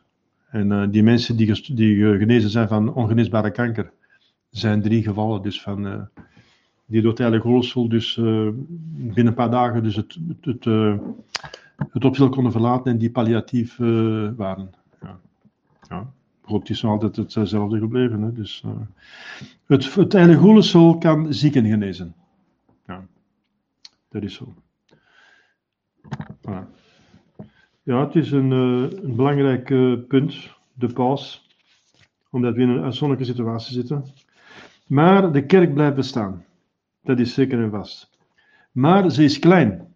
Heel klein. Dat is een andere kwestie. Dus ik herhaal het. Jezus heeft daar even ons ook verwittigd. Hij zegt, zal de mensen zo nog geloof vinden als vader zal wederkeren? Nee? Dus, uh, en er wordt over de grote geloofsafval gesproken in de Heilige Schrift in de Apocalypse. De grote geloofsafval. Hè? Daar zitten we toch volop in, de grote geloofsafval. Dus we moeten moed houden. En waarop moeten we wachten? Wel, dat is een andere conferentie. We moeten wachten totdat uh, het herstel komt. En het herstel gaat komen volgens de meeste profetieën van heiligen voor het concilie. Als er zware straffen gaan komen, zodanig zware straffen, dat het volk zal erkennen dat die straffen van God komt, komen. Dat die straffen omwille van hun zonden zijn en dat ze zich dan gaan bekeren. Zo zwaar moeten die straffen zijn. Zoals in de oorlog zaten de kerken vol. Voilà. Dus, er, dus, dus er gaan zware straffen komen dat de mensen zich terug op de knieën gaan, letterlijk. En dan is God barmhartig. En dan gaat de genade komen, dan komt een grote monarch, een grote paus, en dan alles hersteld, krijg je terug uh, een christenheid nog beter dan de middeleeuwen, volgens al die heiligen, Hildegarde van Bingen, uh, Bartholomeus Holtzhauser, de heilige Bernadette van Soubirous. Ja. En het zou gebeuren de eerste helft van de 21ste eeuw. En ik denk het ook, want er blijft zo weinig over van goede gelovigen, priesters en bisschoppen, dat het wel niet te lang meer kan duren. Of, en trouwens, de kerk moet een getuigenis geven. Hè. Alle mensen zijn ge, zijn geschapen voor de hemel. Dus er moet een sterk getuigenis zijn van de ware kerk. Dat, dat moet. Dus ik denk niet dat het nog zo lang zal duren. Ja. Geen vragen meer? Ja, we zijn ook al uh, een tijdje bezig. Hè? Dus uh, inderdaad, we kunnen volgende keer uh, verder gaan. dus dan gaan we dus over het tweede gedeelte spreken, de kenmerken van de ware kerk. Ook heel belangrijk om te weten, waar is de kerk? Dus uh, vergist u niet. Uh, dus, uh, want bijvoorbeeld Gerrit, als hij spreekt over onze kerken en ons tabernakel en onze communebanken en ons... ik begrijp dat. Ik begrijp, maar dat is emotioneel en je moet, ja, het is, het is heel moeilijk om te aanvaarden, de werkelijkheid te aanvaarden, de realiteit, dat er zo weinig overblijft van de kerk. Zo weinig. Maar heel, heel weinig. Dus bijna niets. Maar het is nog genoeg, om, genoeg, juist genoeg om, eh, om te bestaan. Hè? Ja. Het, we hebben het gezien met Vaticaan II. 2500 bisschoppen met de paus vallen in ketterij. En er blijven er twee over. Twee. Van de 2500, hoeveel dat? Dat is 99,98. 9,08 procent of zoiets. Hoeveel was het? Of, 8, eh, of 99,9 procent. Dat, dat is dus 0,1 0,1 uh, blijft erover. 0,1 procent. Uh, nee, ja, 0,1 procent blijft erover. Dat is weinig, hè? Op één dag tijd. Van de ene dag op de andere. Ja, vooral, dat is gebeurd nu, de, de verliest zijn pauschap, maar de, de, de, de aanvaarding gebeurt een jaar later. 7 december in 65, dan wordt het concilie afgekondigd. En aanvaarden de, alle bisschoppen, behalve twee, dus de, de teksten. Enfin, dus er zijn op die het niet aanvaarden ook een tientallen, maar die, die komen niet meer de publiekelijk vooruit, dus die zwijgen. Ja, als ze zwijgen, wie zwijgt stemt toe ergens. Hè? Dat is een dubbelzinnige houding. Dat is natuurlijk om je plaats te, te verliezen. Als ze openlijk zouden reageren, zoals zoals Mons Lefebvre, een, een, een, een interdict en excommunicatie riskeren. Dat, durven ze dan niet. Dat hebben ze niet voor over. Ze willen het kruis niet. Ze willen niet gekruisigd worden. Voor de waarheid. Dus ook eigenlijk laf, hè? dat is laf. Dus twee bisschoppen blijven erover die de moed hebben, twee. Dus in 7 december 65 zijn er nog twee bisschoppen van de 2500 bisschoppen. Het is geen paus meer, maar het is een ketter. En uh, die, die, twee bisschoppen met hun enkele tientallen priesters en duizenden, een paar duizenden gelovigen, dat is de kerk. De wereldkerk. Over de hele wereld nog een paar duizend gelovigen en een paar honderden, eh, tientallen priesters. Of, uh. Het eerste wat Mons Lefebvre gedaan heeft, is seminaries maken om priesters bij te, te vormen. Maar, nou, en ik ben daar, dus daarom ben ik priester. Door Mons Lefebvre, dus uh, ik ben de seminarie daar. Dus ik ben een vrucht van ja, ik kom daarvan, ja, zit je. Dus uh, moest Mons Lefebvre dat niet gedaan hebben, dan was ik er niet geweest en had u geen priester gehad. Uh, dus de, de, de kerk gaat verder. Ja. We moeten vertrouwen hebben. Zijn we rond? geen vragen meer? Ja, goed. we moeten bidden hè, voor ons geloof te bewaren en het door te geven aan zoveel mogelijk mensen. En om ten eerste te kennen kennen. Dus leer uw catechismus, want veel mensen zijn het kwijtgespeeld. We zijn gersenspoeld geweest voor ik weet niet waar, door Vaticaan II, daarna door allerlei valse verschijningen en door allerlei valse theorieën. Uh, ja. Dus we moeten terug de catechismus naar, we moeten terug naar de bron, goede catechismussen. De catechismus van Trente, de catechismus van Robertus Bellaminus, de catechismus van Mechelen, catechismus van Pius X, dus goede catechismussen die voor het concilie zijn goedgekeurd. En dan dat geloof bewaren, bidden, een kind van Maria gaat niet verloren. En u aansluiten bij goede priesters en bisschoppen om de juiste sacramenten te hebben. Om een geldige communie te hebben, een geldige biecht, enzovoort, sacramenten. Dus bidden dat we het overleven. En uh, ja, wie zoekt, die vindt. En klopt en wordt overgedaan. En we hebben nog steeds voldoende genade. We hebben meer genade dan vroeger. De moeilijkheden zijn meer, maar de genade zijn ook meer. Voilà. In de naam van de Vader en de Zoon en de Heilige Geest samen. Wees gegroet, Maria, vol van genade. De Heer is met u. Gezegend zijt gij boven alle vrouwen. En gezegend is de vrucht van uw lichaam, Jezus. Maria, moeder Gods, bid voor ons aan de zondaars, nu en in de van Heilige hart van Jezus, ontfermt u over ons. Heilige Jozef, bid voor ons. Heilige patronen, bid voor ons. Onze heilige bewaarders, bescherm ons. Alle engelen, godslieve heiligen, bid voor ons. In de naam van de Vader en de Zoon en de Heilige Geest. Tot de volgende week, als God belieft.